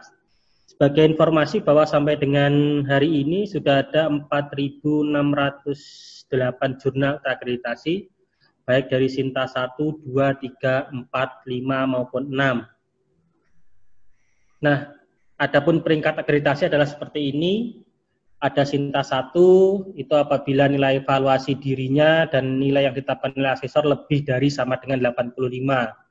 Sinta 2 ada satu peserta yang Sinta 2 kemarin mendaftar itu nilainya lebih dari sama dengan 70. Untuk Sinta 3 lebih dari sama dengan 60 sampai dengan 69, Sinta 450 sampai 59, Sinta 5 40 sampai 49, Sinta 6 30 sampai dengan 39. Jadi kalau cita-citanya Bapak Ibu pengen terakreditasi, Bapak Ibu minimal punya skor 30, Bapak Ibu sudah masuk terakreditasi di Sinta 6. Nah, Bapak Ibu syarat akreditasi, syarat akreditasi jurnal ini di antaranya yang pertama Bapak Ibu harus jurnalnya sudah terdaftar di Yayasan LIPI, kemudian dengan memiliki EISSN, elektronik ISSN. Yang kedua memiliki DOI, kemudian ada publication etik, jadi tadi disampaikan oleh Pak Yunus, bisa ditambahkan materi publication etiknya, kemudian jurnalnya jurnal ilmiah, jadi karena ini akreditasi jurnal nasional, maka Bapak Ibu pastikan jurnalnya jurnal ilmiah bersifat ilmiah, artinya memuat artikel yang nyata memajukan ilmu pengetahuan. Selanjutnya yang kelima adalah terbit paling sedikit dua tahun berurut. Jadi ada dua volume berurut, misal volume 1 nomor 1, volume 1 nomor 2, volume 2 nomor 1, dan volume 2 nomor 2, Bapak Ibu sudah bisa langsung mengajukan akreditasi. Dengan jumlah artikel per isu minimal adalah 5, jadi ada 5 artikel per isu. Kemudian yang terakhir, yang terbaru Bapak Ibu, Bapak Ibu akan evaluasi apabila jurnal Bapak Ibu sudah terindeks Garuda. Jadi data yang ada di Garuda itu akan diambil, digrab oleh mesinnya Arjuna sehingga data-data yang nanti digunakan untuk akreditasi itu diambilkan dari Garuda. Maka syarat tambahannya adalah syarat terbaru di 2020 adalah jurnal Bapak Ibu terindeks Garuda. Nah, ada delapan unsur penilaian dalam Arjuna. Yang pertama penamaan jurnal ilmiah, poin maksimalnya tiga, kelembagaan, poin maksimalnya empat, penyuntingan dan manajemen, poin maksimalnya 17, substansi, nilai paling tinggi, poin maksimalnya 38, gaya penulisan, nilai maksimalnya 12, penampilan 8, keberkalaan maksimal 6, dan penyebar luasan 11. Jadi apa yang disampaikan Pak Yunus tadi, itu nanti berkaitan dengan poin penampilan. Jadi skor maksimalnya adalah 8. Nah, eh, kemudian yang sering terjadi adalah kita sering kali mengukur mengukur diri dalam mengisi evaluasi tidak sesuai. Jadi Bapak Ibu perlu kita sampaikan bahwa ketika Bapak Ibu nanti mengisi borang akreditasi, borang evaluasi diri di Arjuna, ada dua kemungkinan atau ada dua peluang. Yang pertama, ketika evaluasi diri kita di atas 70, maka peluang kita kita akan dinilai oleh empat asesor yang terdiri dari dua asesor manajemen dan dua asesor substansi. Jadi untuk yang e, nilai jumlahnya layak di tingkat dua dan tingkat satu maka yang nilai adalah empat orang. Sedangkan untuk yang menilai jumlahnya layak di tingkat tiga sampai tingkat enam, maka itu akan dinilai oleh dua orang asesor, yakni asesor manajemen, sedangkan substansi diberikan pada asesor manajemen. Nah, ada beberapa langkah yang di Arjuna yang terbaru. Ya ini nanti ada tampilan seperti ini Bapak Ibu. Yang sebelah kiri ini adalah user ya user user user editor Bapak Ibu. User editor. Saran saya dibuatkan user khusus editor untuk Arjuna. Jadi jangan user editor yang sudah ada kemudian dimasukkan ke sini. Jadi Bapak Ibu login Jurnal Manager buatkan user khusus untuk evaluator untuk asesor Arjuna. Nah, yang kedua, nanti evaluasi diri yang kita bahas ada di nomor dua dari sebelah kiri. Yang menu plus ini adalah menu untuk menambahkan isu. Jadi kalau Bapak Ibu baru akreditasi, Bapak Ibu akan diminta untuk mengisikan minimal dua kolom untuk dinilai. Sekarang kalau Bapak Ibu reakreditasi, jadi misal hari itu sudah standingnya masuk Sinta 3, seperti sebenarnya Pak Tito, atau sudah masuk Sinta 4, 5, ingin naik, Bapak Ibu cukup menyampaikan untuk reakreditasi, yakni cukup satu isu. Tahap terakhir nanti ketika semua ini sudah diisi beres satu dua tiga diisi, Bapak Ibu klik siap akreditasi. Nah, kita akan bahas item kita, item kita akan bahas fokus kepada evaluasi diri Bapak Ibu. Jadi eh, penamaan jurnal ilmiah Sering kami ada pertanyaan bahwa Pak kalau jurnal kami ada nama ada nama lembaganya bagaimana? Ya kalau ada nama lembaganya skornya adalah maksimal 0. Maka sarannya nanti ketika Bapak Ibu akan membuat jurnal baru atau ada jurnal baru di kampus Bapak Ibu atau Bapak Ibu melahirkan jurnal baru, usahakan kriteria-kriteria yang ada di Arjuna ini bisa digunakan. Ini tidak menggunakan nama lembaga supaya minimal Bapak Ibu punya skor satu. Jadi penamaan jurnal ilmiah skor tertingginya adalah tiga. Itu apabila nama jurnalnya spesifik. Kalau cukup spesifik skornya dua. Kalau kurang spesifik skornya satu. Nah, terkait dengan kelembagaan penerbit, kelembagaan penerbit, uh, banyak jurnal di kita ketika mendaftarkan di LIPI itu penerbitnya adalah kampus. Kemudian berjalannya dengan waktu mereka bekerja sama dengan perguruan tinggi. Nah, di sini mohon Bapak Ibu, ketika Bapak Ibu sudah memiliki MOU dengan asosiasi atau organisasi profesi, Bapak Ibu embed MOU-nya di homepage. Di jurnal description Bapak Ibu tempelkan MOU-nya. Jadi supaya nanti ketika asesor cek, ini penerbitnya siapa? Perguruan tinggi, anggota eh, organisasi profesi atau perguruan tinggi bekerja sama dengan organisasi profesi. Nah, kita punya bukti untuk meyakinkan kepada asesor bahwa jurnal kita diterbitkan oleh perguruan tinggi bekerja sama dengan organisasi profesi. Nah, terkait dengan selanjutnya, ini yang sering kita jumpai, yang sering terjadi adalah Bapak Ibu memiliki tim editorial dan tim review yang keren-keren. Ada dan sebagainya. Bagus. Dari segi promosi jurnalnya akan terlihat keren. Tapi Bapak Ibu perlu diperhatikan bahwa list dari reviewer yang Bapak Ibu tampilkan di jurnal website itu minimal mereka harus punya rekam jejak minimal satu kali review. Karena jurnal review akan dicek dari tampilan yang di luar dengan tampilan yang di dalam bisa dijadikan pada asesor akan dicek di luar jumlahnya 10 yang reviewnya tiga orang.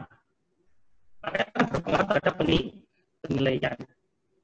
Yang kedua Pak Ibu, uh, reviewer di jurnal kita itu kita harus minta beliau untuk fokus memberikan komentar substansi isi. Ya, substansi isi. Jadi isi artinya bagaimana? Bukan berkomentar terkait dengan tata bahasa. Ya. Apalagi ini artikelnya tidak sesuai dengan TB kita. Jadi itu terjadi gitu. Jadi reviewer fokus kepada mengomentari terkait dengan substansi isi artikel sesuai bidang Bapak Ibu. Jadi reviewer dan editor ini diusahakan sesuai dengan bidang jurnal yang di terbitkan. Nah, yang ketiga terkait dengan editor. Editor syaratnya adalah minimal editornya berasal dari dua institusi yang berbeda. Sama seperti reviewer, editor harus memiliki rekam jejak. Jadi misal di situ editornya ada 10 yang kerja ternyata managing editor semua. Jadi managing editornya yang kerja, yang lain tidak, hanya nama. Tidak. Jadi ke 10 orang yang ada di list editorial mereka harus ada rekam jejaknya. Jadi harus ada penugasan sebagai e editor. Dan jangan lupa karena di borang akreditasi itu yang dinilai adalah editor yang memiliki rekam jejak penulisan, maka saran saya untuk di website editorial yang ada di jurnal Bapak Ibu, lampirkan CV publikasinya. Jadi kualifikasi internasional untuk reviewer itu yang dimaksud adalah kualifikasi di bidang publikasi, Bapak Ibu. Bukan asalnya, asal negaranya. Jadi kualifikasi di bidang publikasi, bukan asal negara. Nah, sedangkan untuk editor ada CV publikasinya. Bisa kalau sekarang yang sudah ada Sinta ID bisa ditampilkan. Kalau Scopusnya ada, ada Scopus ID atau dari ID-nya dari Web Science. Jadi itu untuk menguatkan kepada asesor untuk memberikan penilaian maksimal Harapannya kan skornya maksimal bisa tiga.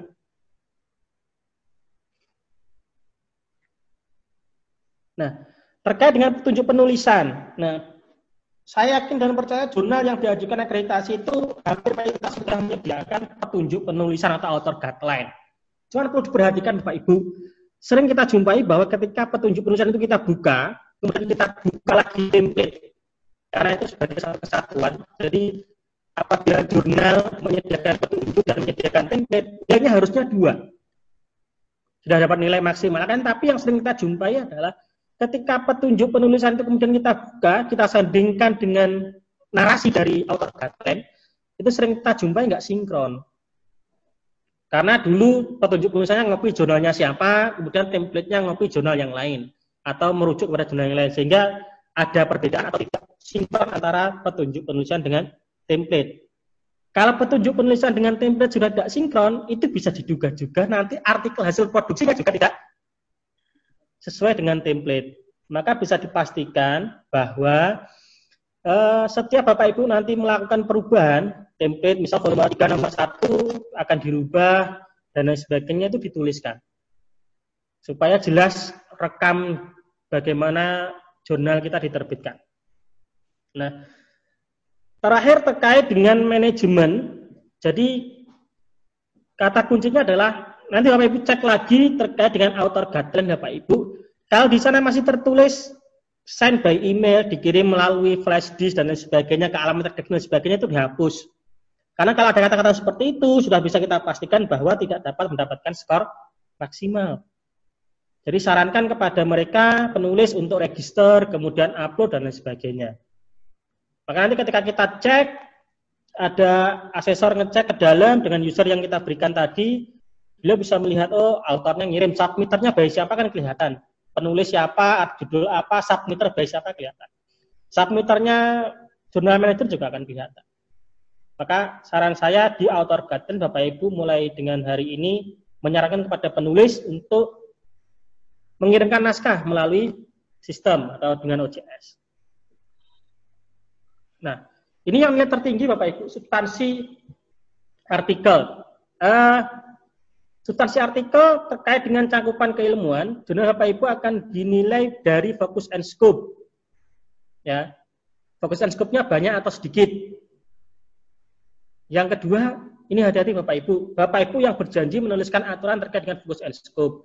Jangan sampai ada artikel yang diarsip, yang diisu yang diterbitkan, artikelnya tidak sesuai dengan fokus and scope yang sudah dituliskan di jurnal itu akan menjadi pengurangan nilai. Harusnya dapat nilai, misal harusnya dapat nilai cabang ilmu dua karena ada artikel di luar fokus and scope, maka nilainya jadi turun ke nilai satu.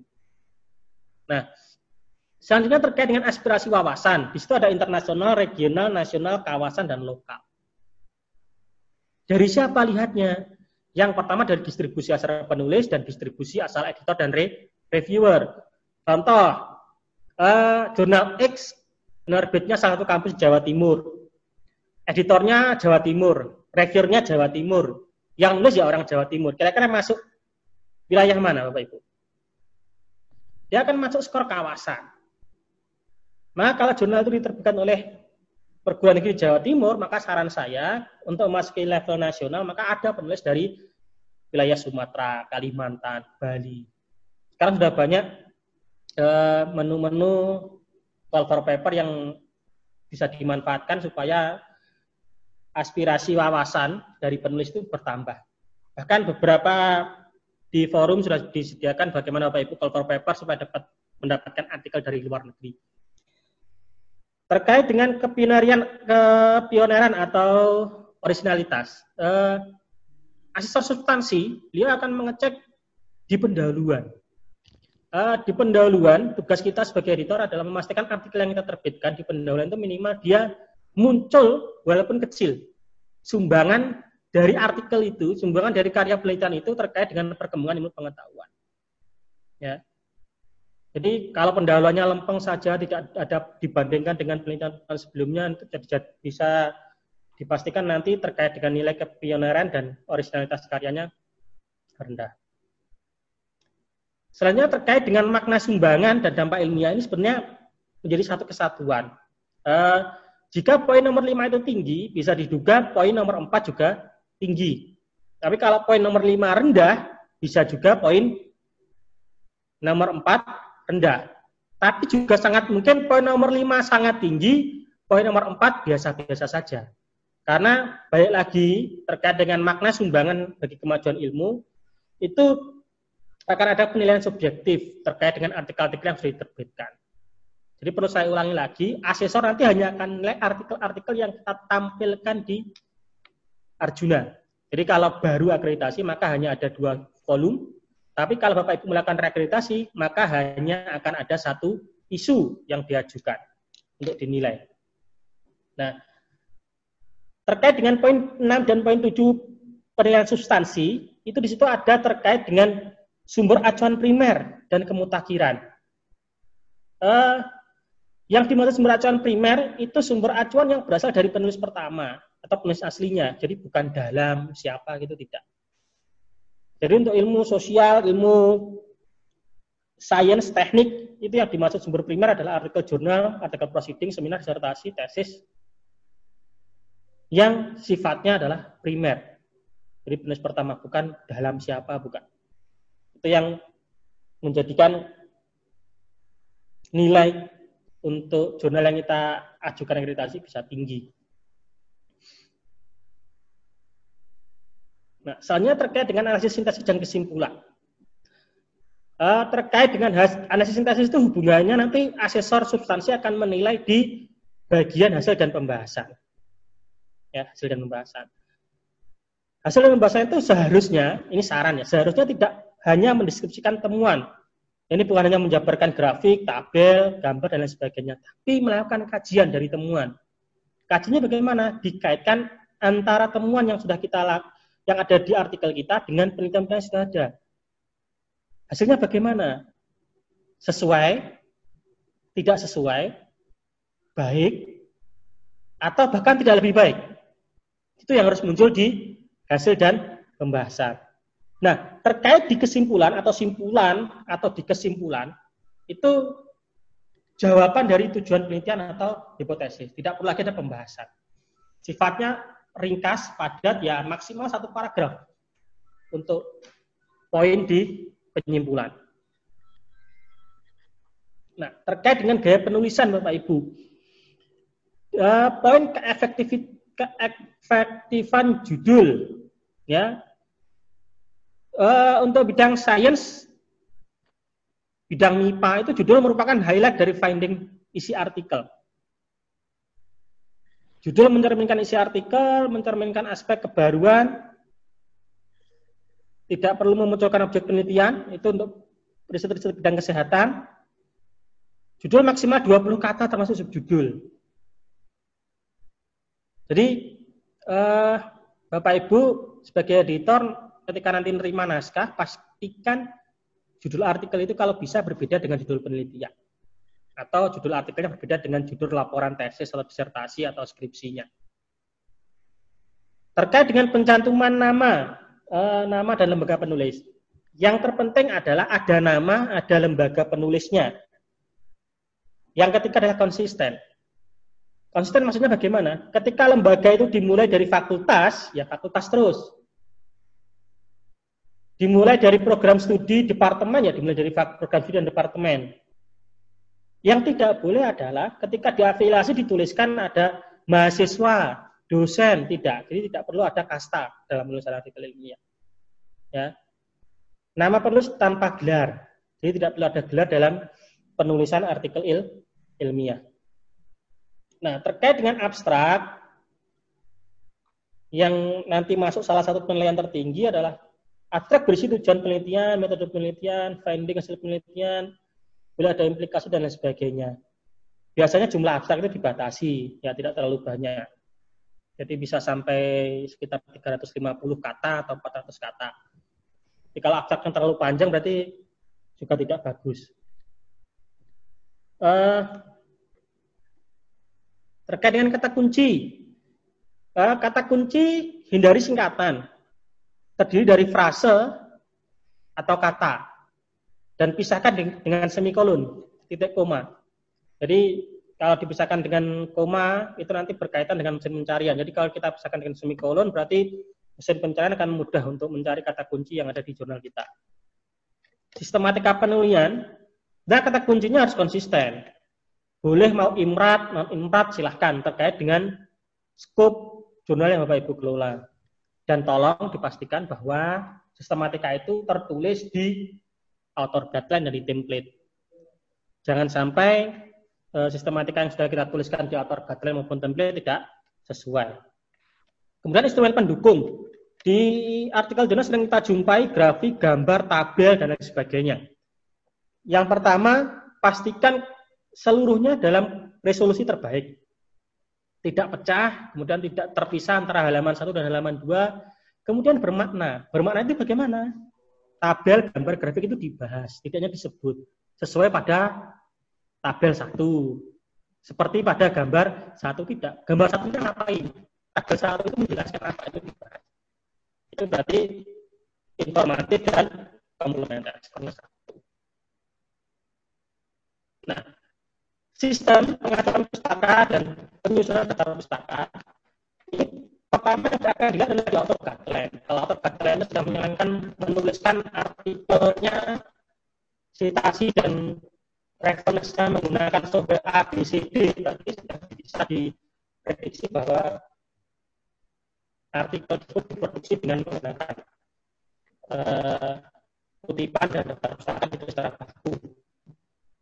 Yang kedua, uh, angka dibayar apabila Bapak Ibu saat di copy editing atau pindah copy editing, mereka akan ngecek di situ, ada di situ, apakah benar produksinya menggunakan software reference atau tidak.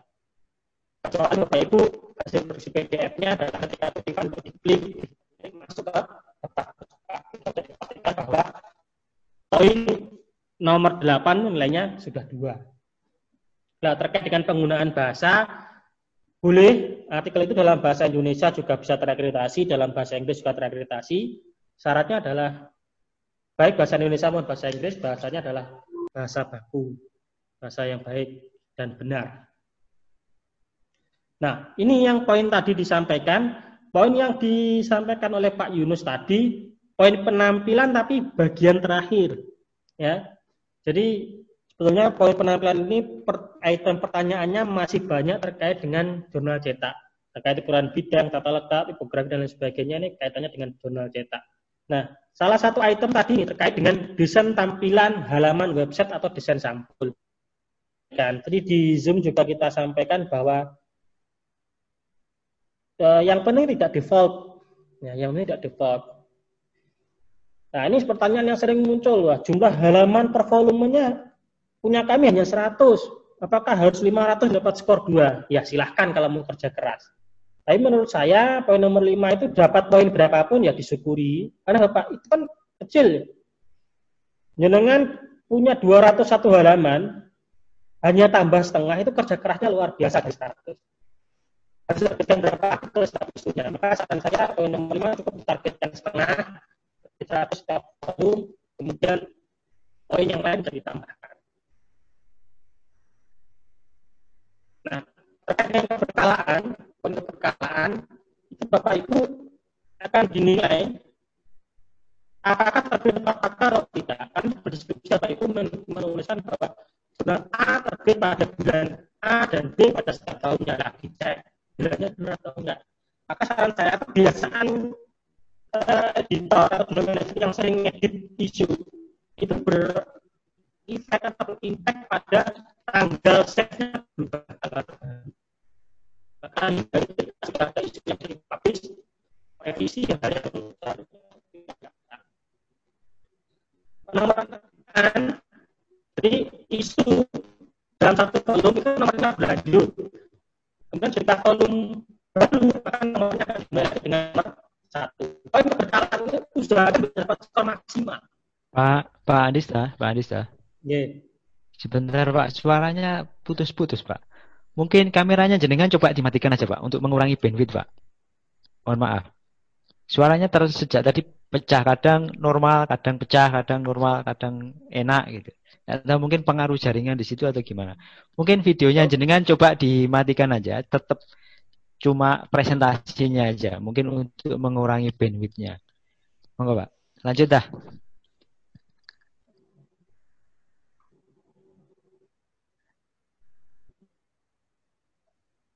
Ya, uh,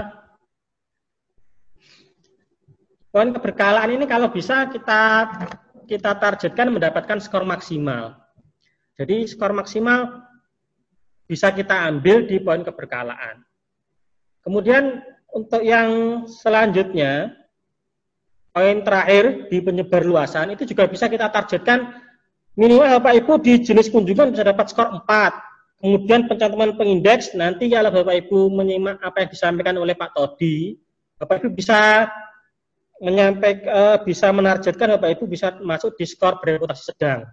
Karena bisa terindeks DOAJ, dimension, itu sudah bisa masuk skor sedang. Terkait dengan doi, kalau Bapak Ibu jurnal sudah memiliki doi, maka Bapak Ibu sudah dapat skor 2. Ya. Jadi penyebar luasan Bapak Ibu dapat skor 4, 3, ditambah 2, Bapak Ibu sudah dapat skor 9. Ya. Itu minimal. Ya kalau dan poin tiga ada doi ada bapak ibu poin dua dapat skor tiga asalkan bapak ibu tempelkan indeksasinya ditambahi dimension itu bisa dijadikan alternatif solusi supaya skor penyebar luasan kita dapat skor maksimal nah sering saya menjumpai di grup-grup itu one day one click. Uh, saya pikir hal seperti itu tidak perlu bapak ibu. Uh, logika yang sederhana kita bangun adalah ketika artik, eh, ketika jurnal kita apa toh korelasinya sebetulnya? Kalau pengunjungnya banyak berarti artikel yang sudah juga banyak. Kemudian apa pada one gitu, sebagainya. Ya, kalau akreditasi ya monggo, cuman saya tidak menyarankan seperti itu, saya menyarankan Bapak Ibu lebih gencar kalau for paper. Supaya mendapatkan kunjungan alami ke jurnal Bapak Ibu. Nah, sedikit tips ya.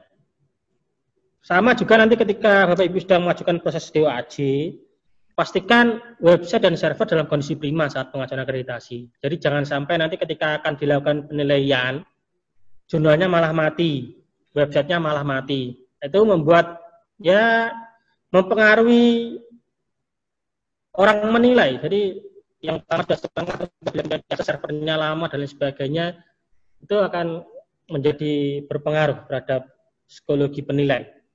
Yang kedua URL statistik berkaitan dengan poin pengunjung unik tadi itu pastikan dapat diakses karena sering kita jumpa sering dijumpai oleh asesor ketika dilakukan penilaian URL statistiknya pengunjungnya nol ya kodenya tidak pas dan lain sebagainya.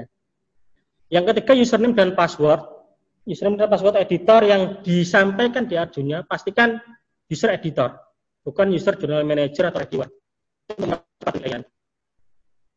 Nah, jangan lupa klik siap akreditasi. Selanjutnya tidak perlu panik ketika ditolak des evaluasi, ya.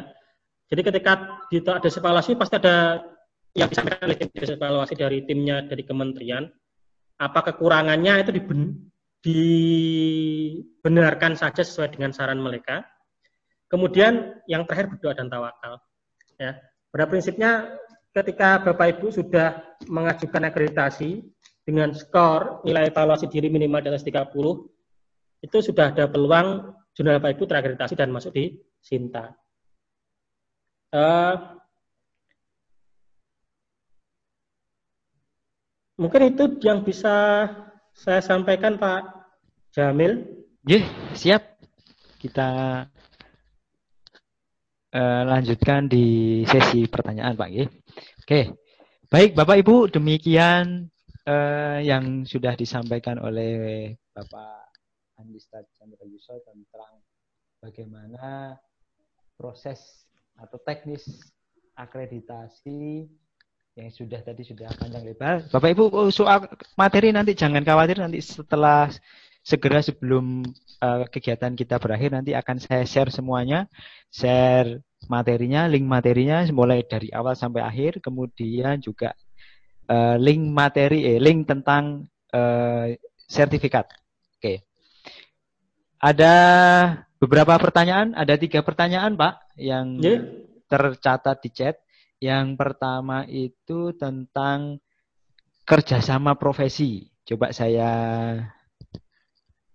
coba saya, saya sudah saya catat di hmm. Word. Sebentar. Nih. Gimana Pak? Kelihatan kan? Ya, kelihatan Pak. Ya, ini. Ada nomor satu, dua, dan tiga. Monggo, ditanggapi Pak Andista. Nah, uh, Bapak Ibu, balik lagi terkait dengan MOU. MOU itu yang bekerja sama biasanya antara publisher ya. Jadi publisher dengan asosiasi profesi. Jadi bukan jurnal dengan asosiasi profesi. Nah, MOU-nya wajib di embed. Nah, apakah juga harus ada artikel dari anggota profesi yang sudah bekerjasama dengan jurnal kita? Ya itu monggo poinnya bagaimana? Poin MOU biasanya pihak asosiasi akan menyediakan reviewer, menyediakan editor. Itu dibuktikan saja. Ada enggak di jurnal itu? Kalau artikel ada lebih baik. Berarti aspirasi artikelnya akan jadi lebih banyak. Terkait dengan pertanyaan nomor dua, Pak Samuel jurnal dengan skop ekonomi syariah. Asosiasinya bukan asosiasi program studi, ya jadi organisasi profesi, bukan asosiasi program studi. E, contoh apa ya?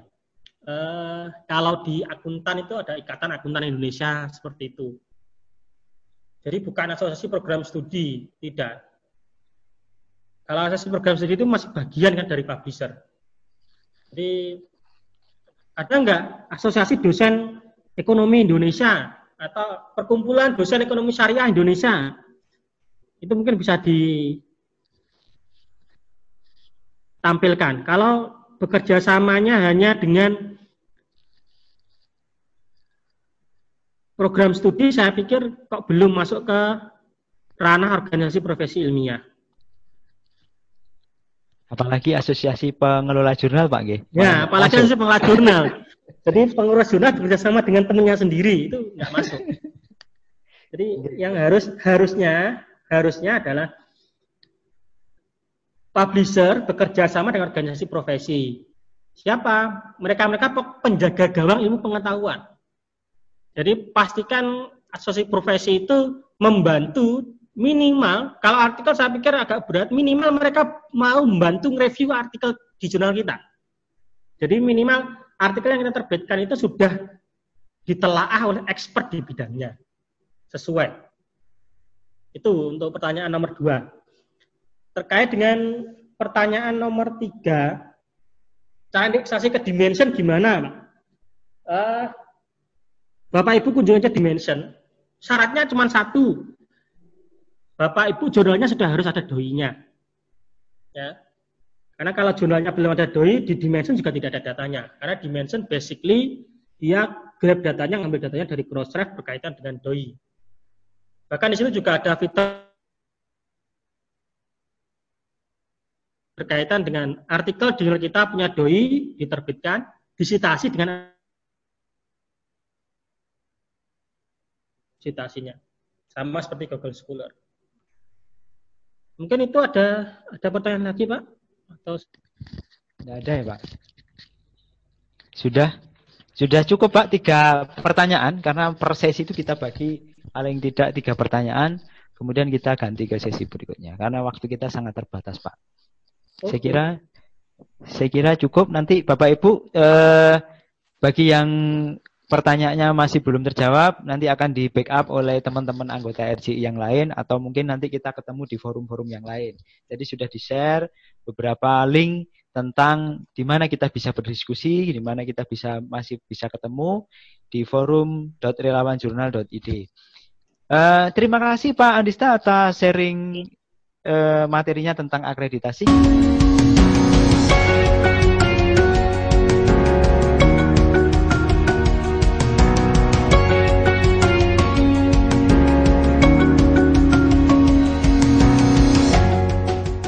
Kita akan melanjutkan ke materi yang terakhir yaitu tentang indeksasi. Meskipun kita geser sebenarnya harusnya yang materi berikutnya itu adalah sebelumnya Pak Andista. Nanti karena nyambung tapi tidak apa-apa karena ada beberapa kendala teknis tidak ada masalah. Mungkin Pak Andista ada beberapa kata penutup yang akan disampaikan. Monggo Pak. Oke, uh, Bapak Ibu akreditasi itu bonus sebetulnya akreditasi itu bonus. Jadi kita sebagai pengelola jurnal kita fokus saja mengelola jurnal yang baik, e, menjaring naskah-naskah yang baik. Kalau nanti yang di jurnal kita bisa terakreditasi, itu salah satu bonus tersendiri. Nah, kalau mau potong kompas ya lewati Sinta 1, 2, 3, 4, 5, 6. Eh, 2 mulai sampai 6, Bapak bisa langsung takjil ke Sinta 1. Caranya bagaimana? Ya Bapak Ibu arahkan jurnal Bapak Ibu untuk terindeks pengindeks internasional bereputasi ya minimal di Scopus atau Web of Science. Saya pikir itu untuk yang bisa saya sampaikan pada siang hari ini. Mohon maaf kurang lebihnya tadi ada suara-suara yang kurang jelas. Dilahirkan Assalamualaikum warahmatullahi wabarakatuh. Waalaikumsalam warahmatullahi wabarakatuh. Alhamdulillah, terima kasih sekali lagi Pak Andista. Kami sampaikan Uh, berikutnya, Bapak Ibu, kita akan menuju ke materi yang keempat yang akan disampaikan oleh Pak Muhammad Ratodi. Saya sapa dulu. Pak Ratodi, sudah siap? Halo? Pak Cek. jelas ya suaranya ya? Halo? Oh iya, iya. Halo? Alhamdulillah. Suaranya Tadi, jelas? Halo? Iya, jelas, jelas, jelas. Alhamdulillah okay. sudah bisa bergabung bersama kita di sini. Bapak Ibu, uh, kita akan mengikuti paparan dari Pak Muhammad Radodi berkaitan tentang uh, indeksasi DOAJ. Apa itu indeksasi DOAJ?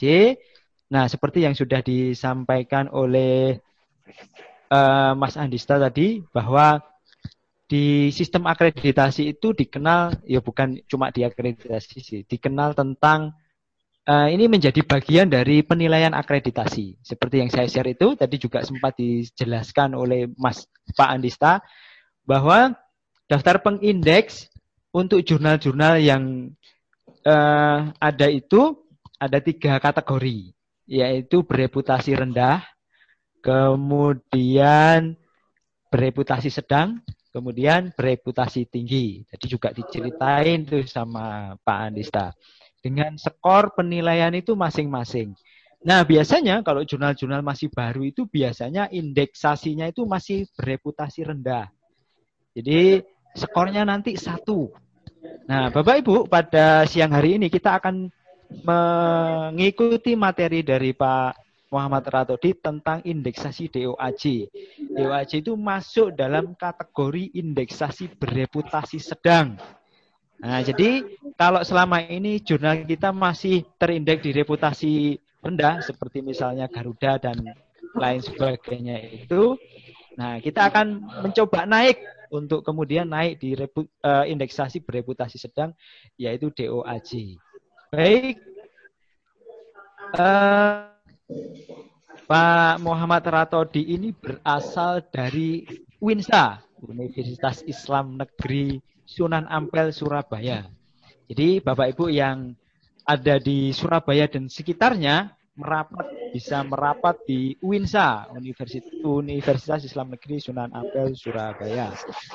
Baik, eh, mari kita sama-sama mengikuti paparan dari Pak Muhammad Ratodi tentang indeksasi DOAJ.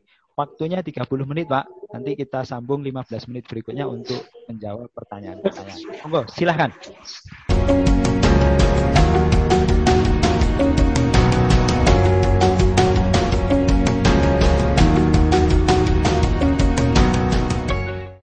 Uh, perkenalkan nama saya Muhammad Ratodi seperti yang tadi beri judul yang mudah di cerna aja apa yang Bapak Ibu ketahui majukan aplikasi ke DOAJ. Nah, ini penting mengingat dari sisi akreditasi tadi sudah disampaikan poinnya selisih dua poin ya. Jadi kalau jurnal Bapak Ibu sudah di Google Scholar poinnya satu, tapi kalau di DOAJ uh, eh, dapat poinnya tiga, ya lumayan. Uh, tapi sebenarnya yang ingin saya tekankan DOAJ itu lebih daripada akreditasi. Jadi uh, dengan DOAJ, dengan terindeks di DOAJ, jurnal baru mempunyai kesempatan untuk uh, di crawling datanya ya di tingkat internasional. Jadi banyak lembaga-lembaga pengindeks lain yang akan uh, mengambil data metadata artikel Bapak Ibu untuk kemudian ditampilkan di pengindeksnya. Ya, salah satu contohnya adalah punyanya uh, Microsoft Academic Search ya dia ngambil datanya dari jurnal-jurnal yang terindeks DOAJ kemudian dia tarik datanya untuk dijadikan uh, pengindeks sendiri. Dan kalau dengan seperti ini kan artinya nanti artikel-artikel yang ada di jurnal Bapak Ibu ini kemungkinan diseminasinya bisa semakin luas ditemukan juga semakin luas kemungkinan untuk ditemukan oleh pembaca. Kalau sudah ditemukan uh, kemungkinan dibaca lebih luas setelah dibaca kemungkinan untuk disitasi juga lebih luas. Nah ini nanti pengaruhnya nanti ke bisa ke visitor statistiknya, bisa ke sitasi. Oke, di layar sudah ada email dan nomor telepon saya yang mungkin nanti kita bisa silaturahmi lagi. Ya, uh, jadi DOAJ ini semua situs ya, situs yang kemudian yang kemudian dikelola oleh namanya Infrastructure Service for Open Access. Ya, jadi isinya kumpulan-kumpulan jurnal-jurnal yang menerapkan sistem open access ke penerbitannya uh, dengan mengedepankan uh, proses apa uh, kontrol kualitas editorial. Nah, yang perlu Bapak Ibu camkan bahwasanya ketika mendaftarkan jurnal Bapak Ibu ke DOAJ sampai nanti misalkan diterima itu prosesnya free tidak ada penarikan biaya. Mungkin ada beberapa pengindeks yang menawarkan biaya untuk supaya bisa mengindekskan uh, jurnal Bapak Ibu di situsnya, tapi kalau DOAJ free, jadi tidak ada biaya sebesar pun untuk uh, mengindekskan jurnal Bapak Ibu. Nah, uh, siang ini saya akan coba dua topik besar. Yang pertama kita akan pahami dulu uh, tentang uh, aplikasi DOAJ dan pengisiannya. Suara saya masih didengar ya Pak Jamil ya? Masih, masih Pak. Sip. Oke. Ya, oke. Saya takutnya ngomong sendiri gitu tiba-tiba hilang gitu. Uh, jadi kita uh, pahami dulu tentang form aplikasinya. Jadi pengajuannya sama seperti Arjuna serba online ya. Jadi mengajukannya by online secara sistem online tidak melalui email dan sebagainya. Bapak Ibu bisa lihat di layar itu ada tautannya di OAJ org slash application slash new. Mungkin bisa sambil dibuka, sambil menyimak uh, apa yang saya sampaikan, bisa sambil dibuka supaya ada gambaran. Nanti di dalamnya yang pertama seperti ini, akan ada pertanyaan pertanyaan yang mengumpulkan informasi dasar terkait jurnal Bapak Ibu. Kurang lebih akan ada 30 35 atau 30 pertanyaan yang kemudian harus Bapak Ibu jawab. Pak Ratodi. Tentang halo, halo. Uh, nama jurnal dan suara putus-putus Pak. Pak, uh, halo Pak Ratodi. Tautannya. Nah, ketika menentukan nama jurnal pastikan Ya, saya ya. matikan kamera saya dulu ya. ya. Coba kameranya dimatikan untuk mengurangi bandwidthnya. Suaranya nggak jelas soalnya. Sebentar, sebentar.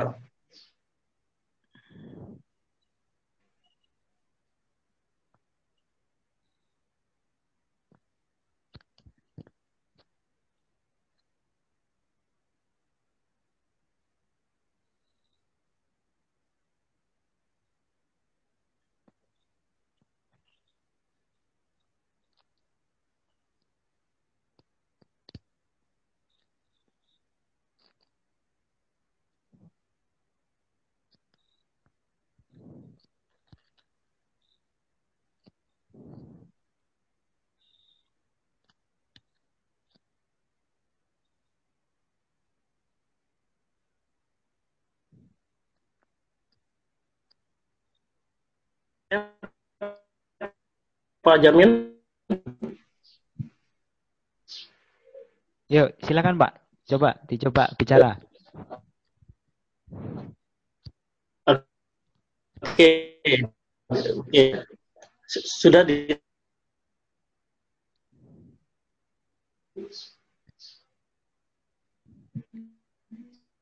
Masih macet, Pak. Masih putus-putus.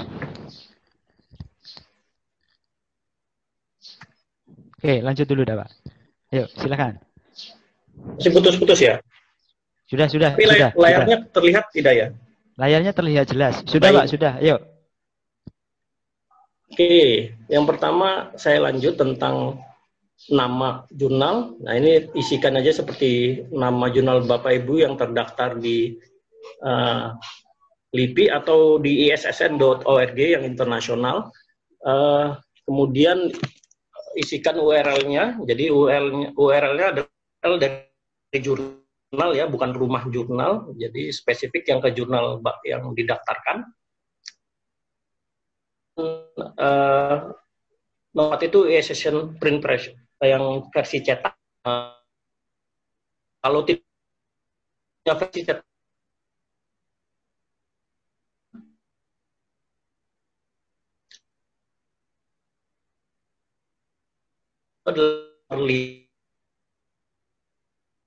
lima Halo, ya, Pak. Versi untuk ISSN versi online. Nomor 6, uh, publisher diisi dengan, halo, sebentar.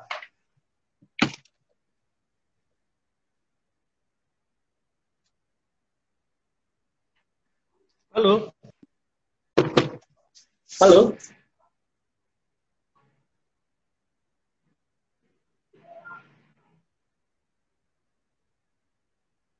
Halo Cak Jamil, halo.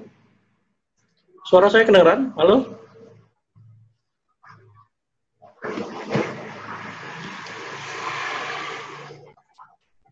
Halo? Halo, ya. Lanjut, Pak. Silahkan, Pak. Ya. Sampai mana saya tadi didengar?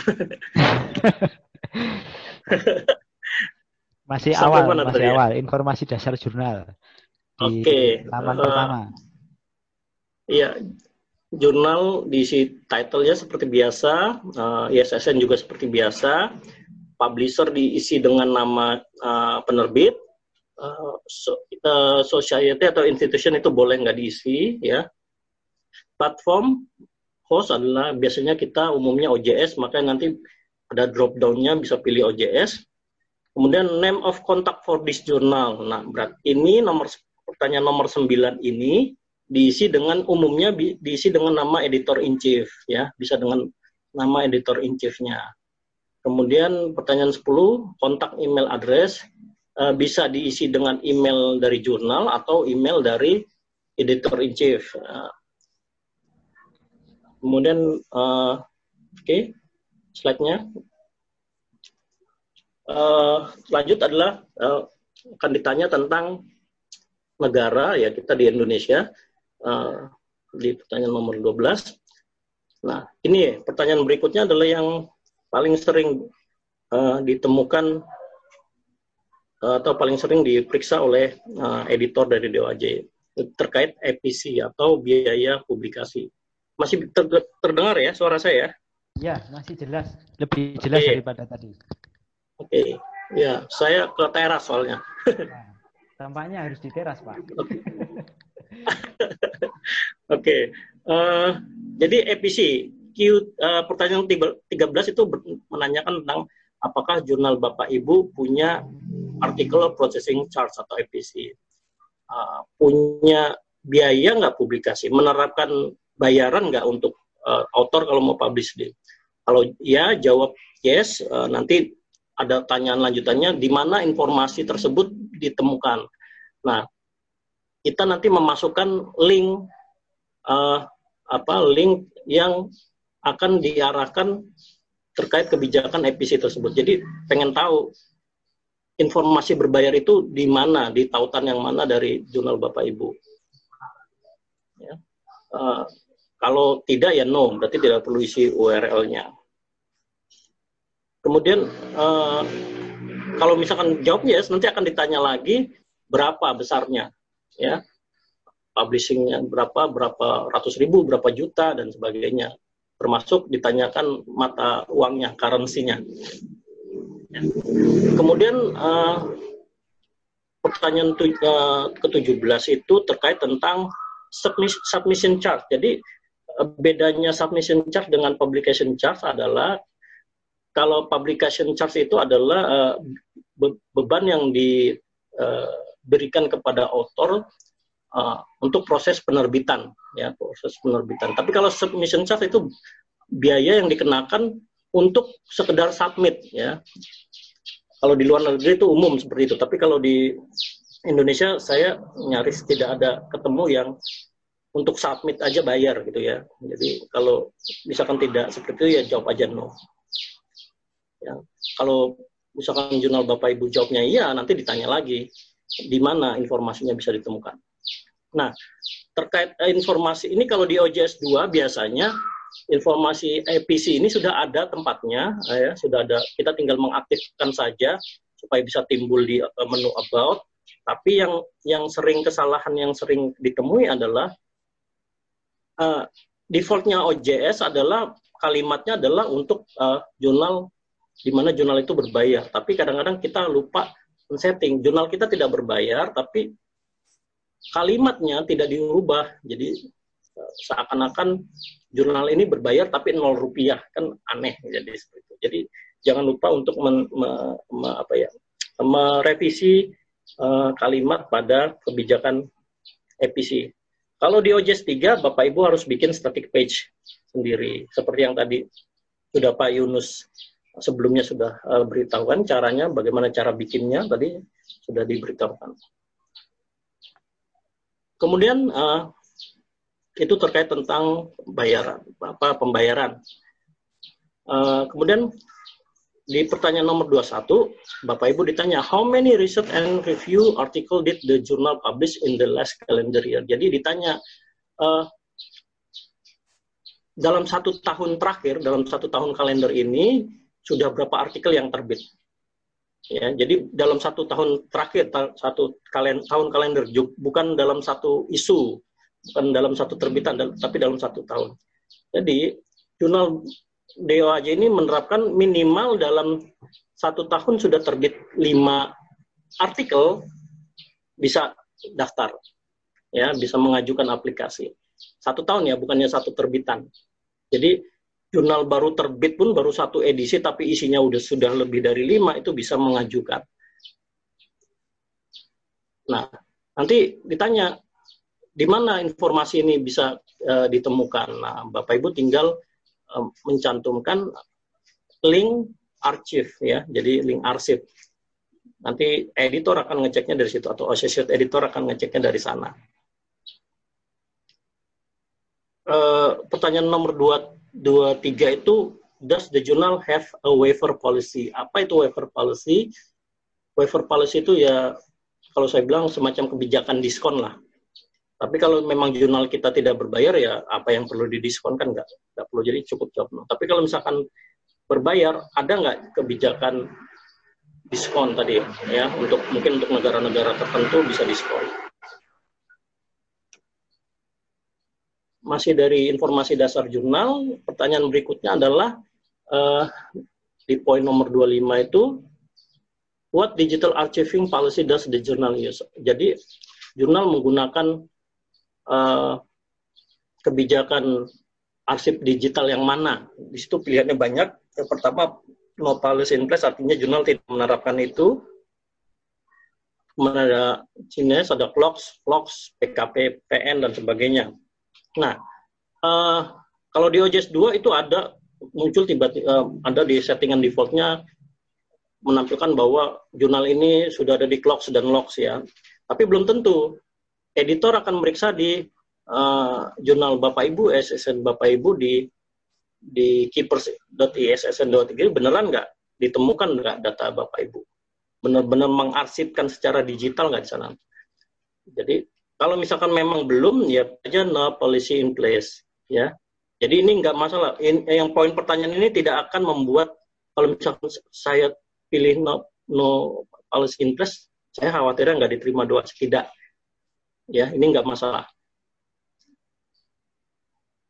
Kemudian uh, pertanyaan berikutnya, does the journal allow software atau Spider to automatically crawl the journal content? Nah ini buat nanya, kalau nanti misalkan jurnal Bapak Ibu diterima di DOJ, mengizinkan nggak metadata yang disetor ke DOJ kemudian di crawling oleh uh, mesin-mesin uh, lain ya seperti tadi pengindeks-pengindeks lain. Kalau jawab yes, kalau misalkan bersedia jawab yes, kalau tidak ya no. Ya, kembali lagi pertanyaan ini apa pun jawabannya tidak akan membuat jurnal Bapak Ibu ditolak. Masih jelas suara saya Pak Jamil? Pak, lancar sekali. Oke, okay, alhamdulillah. Oke. Okay. Kemudian web article identifier. Jadi ditanya pertanyaan berikutnya pakai apa identifikasi artikel Bapak Ibu. Umumnya kita pakai DOI ya. Jadi pilihlah DOI. Tapi ketika Bapak Ibu memilih DOI, pastikan semua DOI yang di uh, disematkan pada tiap artikel yang sudah terbit itu dalam kondisi aktif ya. Jadi sering ketemu menjawabnya DOI, tapi ketika kita cek, kita klik DOI-nya error. Ya, biasanya nanti akan dihubungi nih pengelolanya oleh tim DOAJ, tolong aktifkan dulu, baru kita proses. Kemudian uh, pertanyaan nomor 29, apakah jurnal menyediakan atau atau akan berniat menyediakan artikel level metadata Indowatch. Apa ya? ya. Jadi kalau sudah diterima bersedia nggak kirim metadatanya ke upload XML-nya ke DOJ? Ya mesti. Kalau nggak bersedia nanti percuma nanti artikel kita nggak akan muncul di uh, di DOJ walaupun kita diterima di DOJ. Ya. Kemudian pertanyaan berikutnya, uh, does the the journal provide article download statistik? Nah, apakah jurnal menyediakan statistik unduhan pada level artikelnya? Ini kalau di OJS 2 mungkin perlu setting sedikit. Jadi ketika kalau kita buka abstract page, kelihatan sudah berapa kali diunduh per bulannya berapa. Kalau di OJS 3 sudah otomatis. Ya. Ini jadi yang sering kesalahan adalah di sini menjawab iya, tapi jurnalnya tidak punya apa statistik unduhan. Ketika diminta linknya untuk membuktikan mana sih benar atau tidak, uh, artikelnya punya statistik unduhan yang yang ditempel linknya adalah link stat counter. Nah ini salah ya. Yang diminta adalah link dari sal, salah satu abstract page dari jurnal Bapak Ibu yang ada statistik unduhannya. Kemudian ditanyakan kemudian di uh, pertanyaan nomor 32 ditanyakan uh, pada tahun berapa jurnal Bapak Ibu mulai online ya. Bisa saja kan mungkin muncul cetaknya dulu kemudian online ini belakangan ya. Di sini yang ditanyakan adalah tahun mulai onlinenya. Oke masih jelas ya Pak Jamil ya? Suaranya ya? Jelas Pak. Lancar. Oke. Oke. Kemudian please indicate which format of RJI uh, of uh, apa full text are available jadi uh, full textnya dalam format apa? Umumnya kita pakai PDF ya, tapi nggak menutup kemungkinan kalau jurnal Bapak Ibu juga pakai versi HTML dan sebagainya. Itu tinggal dipilih saja. Kemudian di pertanyaan nomor 34, Bapak Ibu diminta menambahkan keyword kata kunci yang kemudian paling cocok, paling pas untuk mendeskripsikan jurnal Bapak Ibu. Nah, keyword ini ya jangan lagi diisi dengan nama jurnal, tapi uh, kalau saran saya isikan dengan uh, uh, kata atau frase yang mungkin bisa ambil dari fokus and scope jurnal. Jadi ketika orang men-search dengan kata kunci tersebut diarahkan ke jurnal Bapak Ibu. Kemudian pertanyaan berikutnya terkait bahasa yang digunakan untuk full text. Ya, jadi nanti bahasa apa yang digunakan. Nah, Doaj melihatnya adalah artikel-artikel yang sudah terbit. Jadi uh, ketika uh, seluruh terbitannya bahasa Indonesia, berarti bahasa Indonesia saja. Walaupun mungkin jurnal Bapak Ibu menerima artikel dalam bahasa Inggris, tapi yang diterbitkan belum ada bahasa Inggris ya tulis saja bahasa Indonesia saja. Ya. Nah, itu tadi yang terkait informasi dasar. Kemudian nanti setelah info da informasi dasar itu sudah diisi Bapak Ibu, nanti eh, ditanyakan tentang kualitas, transparansi, dan proses editorial jurnal. Nah, yang pertama adalah ditanyakan tentang link editorial page, uh, editorial team, sorry maksud saya. Jadi ditanya, uh, tolong cantumkan link tim editornya, ya.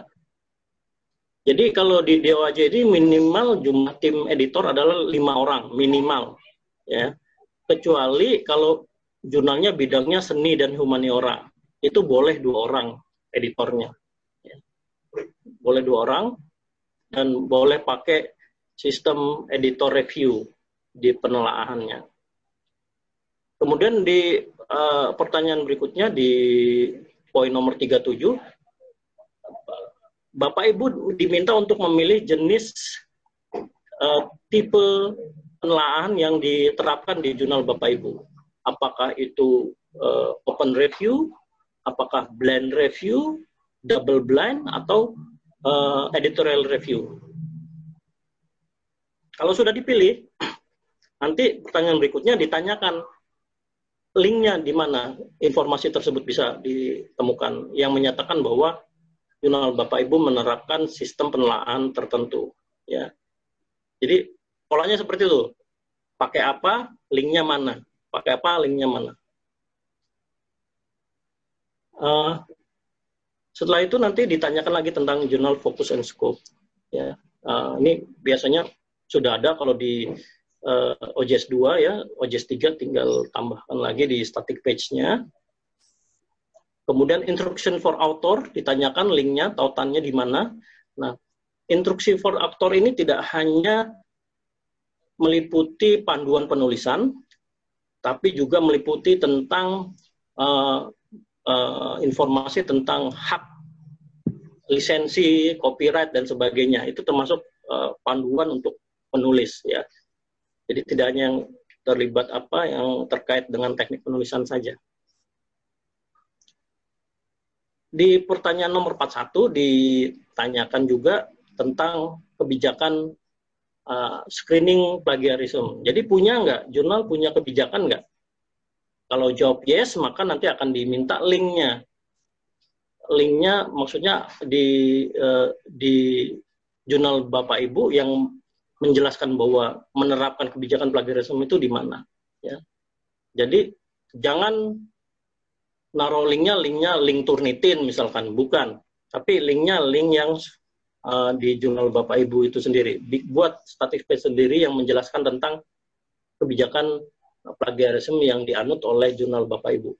Dan yang perlu diingat, kebijakan namanya kebijakan itu kalau bisa detail. Jangan cuma bilang bahwa jurnal kami melakukan screening plagiarism menggunakan Turnitin, menggunakan identiket. Jadi kayak iklan ya. Jadi jangan seperti itu. Tapi berapa eh, berapa persen, berapa kali dilakukan plagi, eh, cek plagiarismenya, di tahapan mana, kalau ketemu kasus di atas uh, yang standar mau diapakan. Nah itu kan detail. Semakin detail semakin bagus. Jadi jangan uh, cuma hanya sekedar ya kurang tinggal 10 menit lagi pak. 10 menit lagi pak. Oke okay, selesai. Oke okay, selesai kok.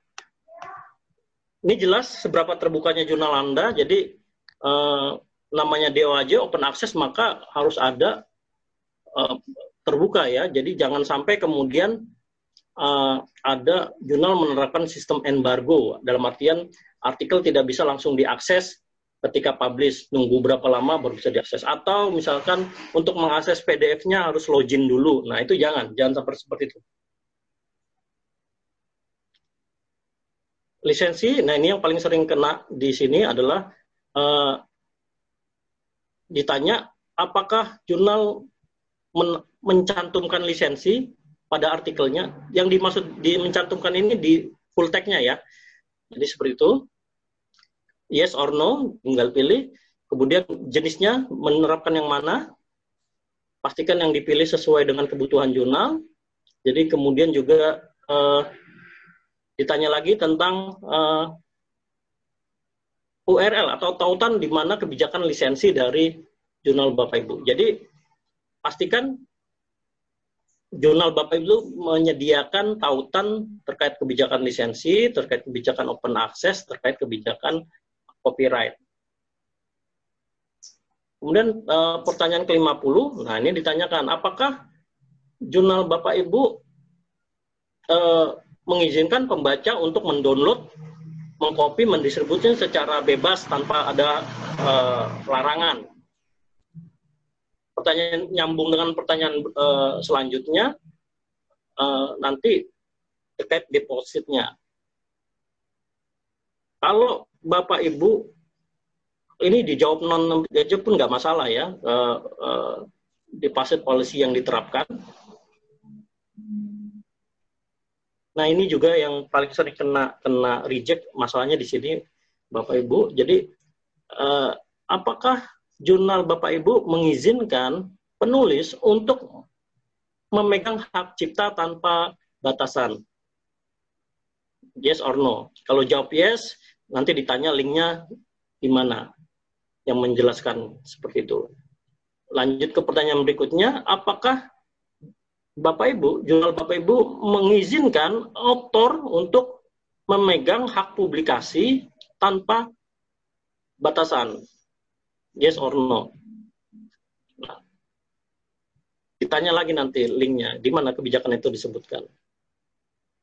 Nah, copyright ini terkait copyright ini sebenarnya kan antara uh, perjanjian antara autor dengan pengelola jurnal atau jurnal terkait siapa sih yang megang hak cipta ya. Ini harus jelas, harus jelas dicantumkan di jurnal Bapak Ibu. Siapa pemegang hak ciptanya. Kemudian jangan sampai ada kalimat all right reserve di di jurnal Bapak Ibu baik itu di laman OJS-nya apa pun ataupun di full text. Karena kalau sudah ada kata all right reserve artinya jurnal Bapak Ibu artikelnya sudah tidak bisa diapa-apain, tidak bisa berluaskan, tidak bisa digandakan, tidak bisa dimacam-macamin. Artinya sudah sangat tertutup. Dan ini sangat bertolak belakang dengan prinsip DOAJ. Jadi rekomendasinya tetap aja autor tetap di memegang hak cipta, tapi kemudian uh, dengan penyebarluasan penyebarluasan menggunakan lisensi Creative Commons. Jangan memperlakukan hak penerbitan eksklusif dan tidak perlu juga harus melakukan pemindahan hak secara komersial. Yang terakhir adalah ini, detail of person making this application. Jadi, isikan dengan nama dan email yang aktif yang sering dicek. Ini, ini nama orang yang mengajukan aplikasi. Kemudian diisi dengan email yang aktif, artinya sering diperiksa. Karena sering kali jurnal ditolak karena tidak ada respon dari pengelolanya. Ketika dari doa tolong perbaiki bla bla bla bikin email email yang bersangkutan ditunggu dua tiga hari seminggu tidak ada respon tidak dibalas reject. Atau mungkin dengan kalau diperbaiki langsung bisa diterima. Beberapa yang sering ditanyakan rebus editorial proses. Alasan ini sering dijadikan uh, sebagai penolakan ya. Uh, rebus editorial proses ini maksudnya terkait dengan poin proses review jumlah editor, reviewer dan sebagainya. Ya. Nah, dan ini yang tidak tertulis Bapak Ibu tidak tertulis di website DOAJ. Jadi usahakan dalam satu kali terbitan itu jumlah artikel ya yang ditulis oleh editor atau oleh reviewer yang namanya tercantum di editor atau reviewer itu tidak lebih dari 30% dari total artikel yang terbit. Jadi kalau misalkan ada 10, sekali terbit 10 artikel, paling enggak cukup maksimal ada tiga artikel saja yang ada nama editor atau reviewer sebagai penulisnya, baik penulis satu, penulis dua, ya artinya ketika itu lebih hebat 50 persen sampai 70 persen itu nanti ada konflik antara robust tadi. Kemudian tanya berapa sih jumlah editor yang yang sesuai gitu ya? Nah ini nggak ada nggak ada panduan yang uh, yang yang saklek gitu ya. Jadi intinya common sense saja. Misalkan uh, jurnal Bapak Ibu sekali 20 artikel tapi editor cuma 5 kan ya jomplang sekali ya perbandingan rasionya ya. Seperti itu. Jadi kalau kemudian pakai jurnal pakai nama internasional ya idealnya ya pakai uh, mitra bestari atau editornya ada juga yang levelnya internasional. Nah, terus kalau kalau copyright, kalau copyright saya pegang oleh jurnal, lisensi yang tepat apa? Nah, sebenarnya ini dua, dua, dua, dua, dua aspek yang berbeda. Tidak ada ketentuan yang mengikat ya antara hak cipta dengan lisensi yang digunakan lisensi itu dipilih berdasarkan kebijakan jurnal terkait bagaimana distribusi artikel. Nah, tapi eh, DOJ sendiri merekomendasikan CCBY, CCBSA atau CCBNC. Ya, itu yang eh, relatif bebas. Baik itu copyrightnya dipegang oleh penulis ataupun ditransfer ke jurnal. Nah, ini kontradiktif statement juga sering temu di abstrak page bilangnya copyright milik jurnal, tapi di kebijakan policy ada kalimat author uh, agree to retain copyright, artinya penulis uh, tetap memegang hak ciptanya menjadi kontradiktif ya. Di page-nya bilang copyright punya ditransfer ke jurnal, tapi di kebijakan bilangnya uh, penulis. Nah ini kontradiktif. Atau seperti ini, di awal bilangnya author publish with the journal is agree to retain copyright, tapi di bagian terakhir bilang harus mentransfer copyright. Ada copyright transfer agreement. Nah ini juga kontradiktif. Ya. Jadi hati-hati. Yang terakhir ini jadi hindari juga pencantuman logo misleading metric dan pengindeks di laman jurnal. Jadi saya paham kalau namanya jurnal baru terbit itu paling semangat untuk mengindekskan sana sini kemudian menempelkan logo sana sini di jurnalnya, tapi hati-hati ada beberapa pengindeks yang kemudian punya nilai uh, apa ya dipandang tidak menyesatkan di, di, bagi doa salah satunya ini ada di, dicek di predatory, predatoryjournal.com matrix salah satunya yang sering saya temui adalah side factor ya jadi ke jurnal bapak ibu punya ada logo side factornya di hilangkan aja walaupun Bapak Ibu mengindekskan di situ, nggak masalah. Tapi kalau ketika mengajukan ke DOA, mendingan dihilangkan saja. Ya, karena apa? Karena itu misleading, termasuk misleading metrik, sehingga asumsinya DOA aja melihat pengelolanya ini nggak paham tentang pengelolaan jurnal. Nah, ini Bapak Ibu bisa lihat, uh, bisa baca-baca lagi tentang best practice DOAJ, ya. Ini ada versi bahasa Indonesia-nya Pak, sudah ditranslate oleh uh, teman-teman editor Dodge Indonesia. Demikian Pak Jamil. Terima kasih. Baik, terima kasih Pak Ratodi sudah menyampaikan cukup lumayan banyak slide-nya, panjang. Uh, kita lanjut ke pertanyaan, Pak. Jadi sudah ada beberapa ya. pertanyaan yang sudah saya list di uh, board. Saya share screen dulu. Oke. Okay.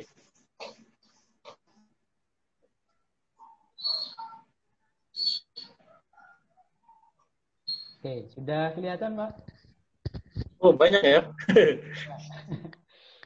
Yuk, itu yang belum sempat terjawab. Jadi sebagian tadi sudah dijawab sama Mas Andista dan lain sebagainya. Ini yang saya catat yang belum belum ada tanggapan. Baik. Oke. Okay. saya jawab ya. Ya. Silakan. Oke, yang pertama beda DOAJ dan DOI apa ya Pak? DOAJ itu pengindeks Pak Bu ya, jadi lembaga pengindeks ya. Sedangkan DOI, DOI itu adalah nomor identitas nomor identitas artikel ya. Jadi kalau manusia itu nomor KTP lah ya. KTP.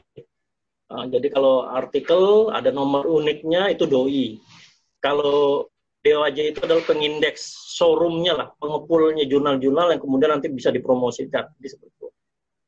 Kemudian, apakah pengajuan indeks itu bahasa pengantar untuk tampilan JS?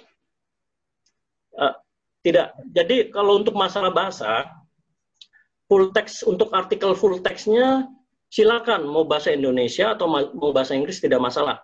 Yang penting adalah bahasa tampilan di laman OJS jangan mix. Kalau mau pakai bahasa Indonesia, bahasa Indonesia semua. Kalau pakai bahasa Inggris, bahasa Inggris semua. Ya, jadi di kebijakannya, di tampilan jurnalnya itu konsisten penggunaan bahasanya. Tapi kalau di full text silakan pakai bahasa Inggris, terima full text bahasa Inggris, terima full text bahasa Indonesia silakan. Bahasa Arab sekalipun nggak masalah. Ya. Jadi yang penting di lamanya jangan gado-gado. Nanti ada bahasa Indonesia, nanti ada bahasa Inggris. Sering seperti itu. Kemudian yang ketiga, tentang jumlah reviewer. Ya. Jumlah reviewer ini seperti yang saya tadi bilang, eh, minimal memang lima, minimal lima, tapi kemudian nanti eh, dilihat lagi dengan satu sekali terbit berapa artikel, ya. Kemudian sistem reviewnya yang digunakan, ya.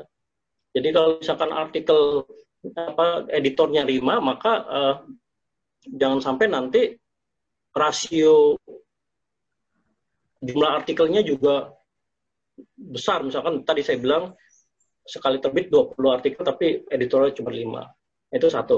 Terkait dengan uh, metode reviewnya, Dewa aja ada sedikit agak berbeda memaknai double blind review. Kalau kita kan double blind biasanya author tidak tahu di review siapa, reviewer siapa, reviewer tidak tahu autornya siapa itu kan pemahaman kita tapi di do aja kadang-kadang ya ada ada ini juga ada pemahamannya beberapa uh, man, uh, managing editornya kalau jurnal menyatakan double blind review berarti minimal itu akan di selain tidak diketahui uh, identitasnya satu sama lain maka minimal satu artikel yang di yang tadi akan direview di, akan direview oleh dua orang. Jadi kalau misalkan ada satu artikel dia direview dua. Jadi kalau terbitnya sekali terbit 10 double blind review, maka minimal jumlah editor atau reviewernya dua kali lipatnya, 20. Nah, jadi seperti itu. Kemudian nomor empat, uh, pemilikan hak cipta ditolak karena pemilik hak cipta ada artikel setelah dipublikasikan tidak jelas. Sebaiknya kita artikel ini. Nah, ini saya tadi bilang. Jadi kalau di settingan OJS ada saya lupa settingan berapa uh, memunculkan informasi pemilik uh, pemilik hak cipta dari artikel tersebut di halaman abstrak ya. Uh, saya lupa kalau di OJS 2 di settingan berapa itu Pak Jamil. Tapi ketika kita buka abstrak kita akan ketemu di bagian bawah misalnya copyright tahun berapa tahun terbit kemudian punya siapa punya jurnal atau punya punya author dipegang oleh siapa. Nah itu yang harus muncul. Selain tadi kita menyediakan juga kebijakan uh, tentang hak cipta. Ya, jadi sebaiknya hak cipta itu harus di, ditampilkan di halaman muka itu, dipaparkan, didetailkan uh, hak cipta ini punya siapa, bagaimana mekanismenya seperti apa, uh, jelas. Jadi artikel ini punya siapa apakah ada pengaruhnya pemberitahuan kepada reviewer hanya melalui OJS atau disertai email Oh, mana yang lebih baik? Yang nomor lima. Jadi tidak. Jadi uh, bedanya uh, akreditasi dengan DOAJ adalah DOAJ tidak sampai melihat ke dapurnya jurnal Bapak Ibu. Jadi tidak sampai melihat ke dalemannya. Ya kan kalau untuk itu kan diakreditasi kan diminta ya password username dan password editor. Tapi kalau di DOAJ tidak kita tidak sampai mengecek benar nggak nih reviewnya pakai full OJS, benar nggak nih hanya melalui email? Tidak. Kita hanya melihat kejelasan informasi terkait uh, policy-policynya, kebijakannya sudah tercantum belum di halaman jurnal Bapak Ibu? Sudah tercantum dengan jelas dan mudah ditemukan tidak? Tidak ada yang ambigu, tidak ada yang inkonsisten dan sebagainya. Jadi uh, tidak ada pengaruh kalau di DOJ. Tapi kalau konteksnya akreditasi yang seperti Pak Andista bilang, itu pengaruh. Ya. Berkaitan dengan kebijakan bahwa jika editor menulis di jurnal, sehingga apa nih, Kum? Sing, nomor 6 ini gimana nih? Nomor 6 itu Ibu Yuni Listiana. Mungkin Ibu Yuli Istiana bisa ngomong bicara langsung karena tidak begitu bisa dipahami ini pertanyaannya. Halo? Ya, Ibu halo. Yuni Listiana? Ya, mau ya. Bu, silahkan ya, disampaikan Bu. Iya, ya. jadi kan begini, uh, berkaitan dengan kum, nilai kum. Jadi kalau misalkan ada nilai kum untuk Java ya yang saya maksud. Jadi kalau ada editor itu menulis di jurnal yang kami kelola, itu uh, nilai kumnya kan dinolkan. Nah, oh, oh, oh, oh. sehingga kami sangat menghindari untuk editor submit sendiri di jurnal yang kami kelola. Nah, sedangkan di sini tadi ada eh, eh, keterangan bahwa ada keterlibatan editor sebagai autor dalam setiap edisi terbitan itu kurang dari 30%. Nah, pertanyaan saya, oh. 30% itu apakah jika 0% itu juga tidak masalah? Nggak masalah bu, nggak masalah malah bagus. Uh. Oh, gitu. Ini hanya membatasi aja. Uh, uh. Oh, kalau misalkan kalau untuk review juga. Kan, kalau untuk reviewer editor juga. Dan reviewer. Ini yang saya tadi editor, tapi apakah juga untuk reviewer harus kurang dari 30% ya? Pokok, ya, sama. Jadi editor dan reviewer. Jadi uh, Edo aja itu sebenarnya tidak membedakan editor atau reviewer. Pokoknya reviewer itu ya bagian dari editor. Oh, Beda okay. kalau diakreditasikan kita, kita membedakan ya. Tapi kalau pokoknya nama yang tercantum di editor, nama yang tercantum di reviewer, uh, sebisa mungkin kalaupun dia harus menulis di uh, jurnal Bapak Ibu, itu maksimal hanya 30% artikelnya ya. Iya. Jadi kalau misalkan dalam satu artikel ada dua dua ada editor nulis di situ, reviewer di situ dihitungnya satu, bukan di, yang dihitung bukan orang ya, artikel. Ya. Editor ini juga Yang berlaku untuk artikel. copy editor ya Pak ya? Iya, semua yang tercantum pokoknya yang namanya tercantum di Yang namanya website. tercantum, oke ya. Si. Oke. Oke. Oke. Jadi kalau misalkan 0% seperti jurnal Ibu ya bagus. Nah, artinya seperti itu. Artinya kan tidak akan ada konflik of interest. Gitu. Oke, jelas jadi ya. Oke. Eh, untuk mengaktifkan keeper bagaimana gitu? Oh, kalau yang nomor tujuh ini sebenarnya untuk logs, logs dan logs ini eh, mohon nanti saya dikoreksi kalau saya salah. Setahu saya ini berbayar, layanan berbayar ya. Jadi eh, kalau mau mengaktifkan logs dan logs ini kita berbayar ya. Eh, saya pun sa- saya pribadi sih sampai sekarang tidak menemukan alasan yang cukup kuat untuk kemudian melanggan ini gitu loh. Jadi seperti itu. Jadi kalau kita ikuti ada di di websitenya kita ikuti panduannya, eh, kita jadi membernya istilahnya. Nanti kalau kita jadi membernya kita eh, muncul nanti di di keepers itu, gitu. Gitu Pak Jamil. Baik, terima kasih. Alhamdulillah kita sudah selesai Pak Nggih, cukup ya karena pertanyaannya juga sudah lumayan banyak. Nanti bagi Bapak Ibu yang pertanyaan misalkan masih ada Alhamdulillah. banyak pertanyaan-pertanyaan, nanti bisa kita bergabung di forum-forumnya relawan Indonesia. Yang lain ada di forum relawan jurnal ID. Dari Pak Yulingga ada yang mau disampaikan? Sebelumnya kami sampaikan terima kasih yang sebesar-besarnya kepada Pak Ratodi sudah eh, menyampaikan materi yang cukup bagus tentang eh, DOAJ.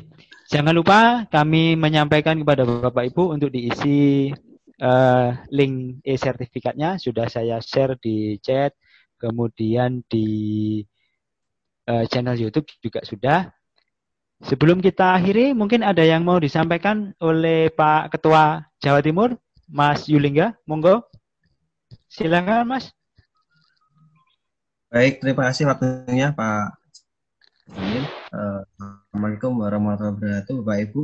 Waalaikumsalam. Waalaikumsalam. Eh, terima kasih telah mengikuti kegiatan hari ini, mulai dari awal sampai akhir. Eh, menyampaikan beberapa pertanyaan dan ada arus perpindahan pemahaman dari pemateri kepada panjenengan semua. Semoga materi hari ini bermanfaat bagi kita semua dan jurnal yang dikelola oleh Bapak Ibu. Semoga semakin meningkat ya kualitas tata kelolanya dan tak lupa saya sampaikan kepada bapak-bapak pemateri yang hari ini telah menyampaikan materi. Terima kasih banyak. Semoga eh, sharing ilmunya mendapatkan pahala yang berlimpah. Amin ya rabbal alamin. Eh, demikian dari saya. Kurang lebihnya saya mohon maaf. Akhir kata wassalamualaikum warahmatullahi wabarakatuh. Waalaikumsalam warahmatullahi wabarakatuh.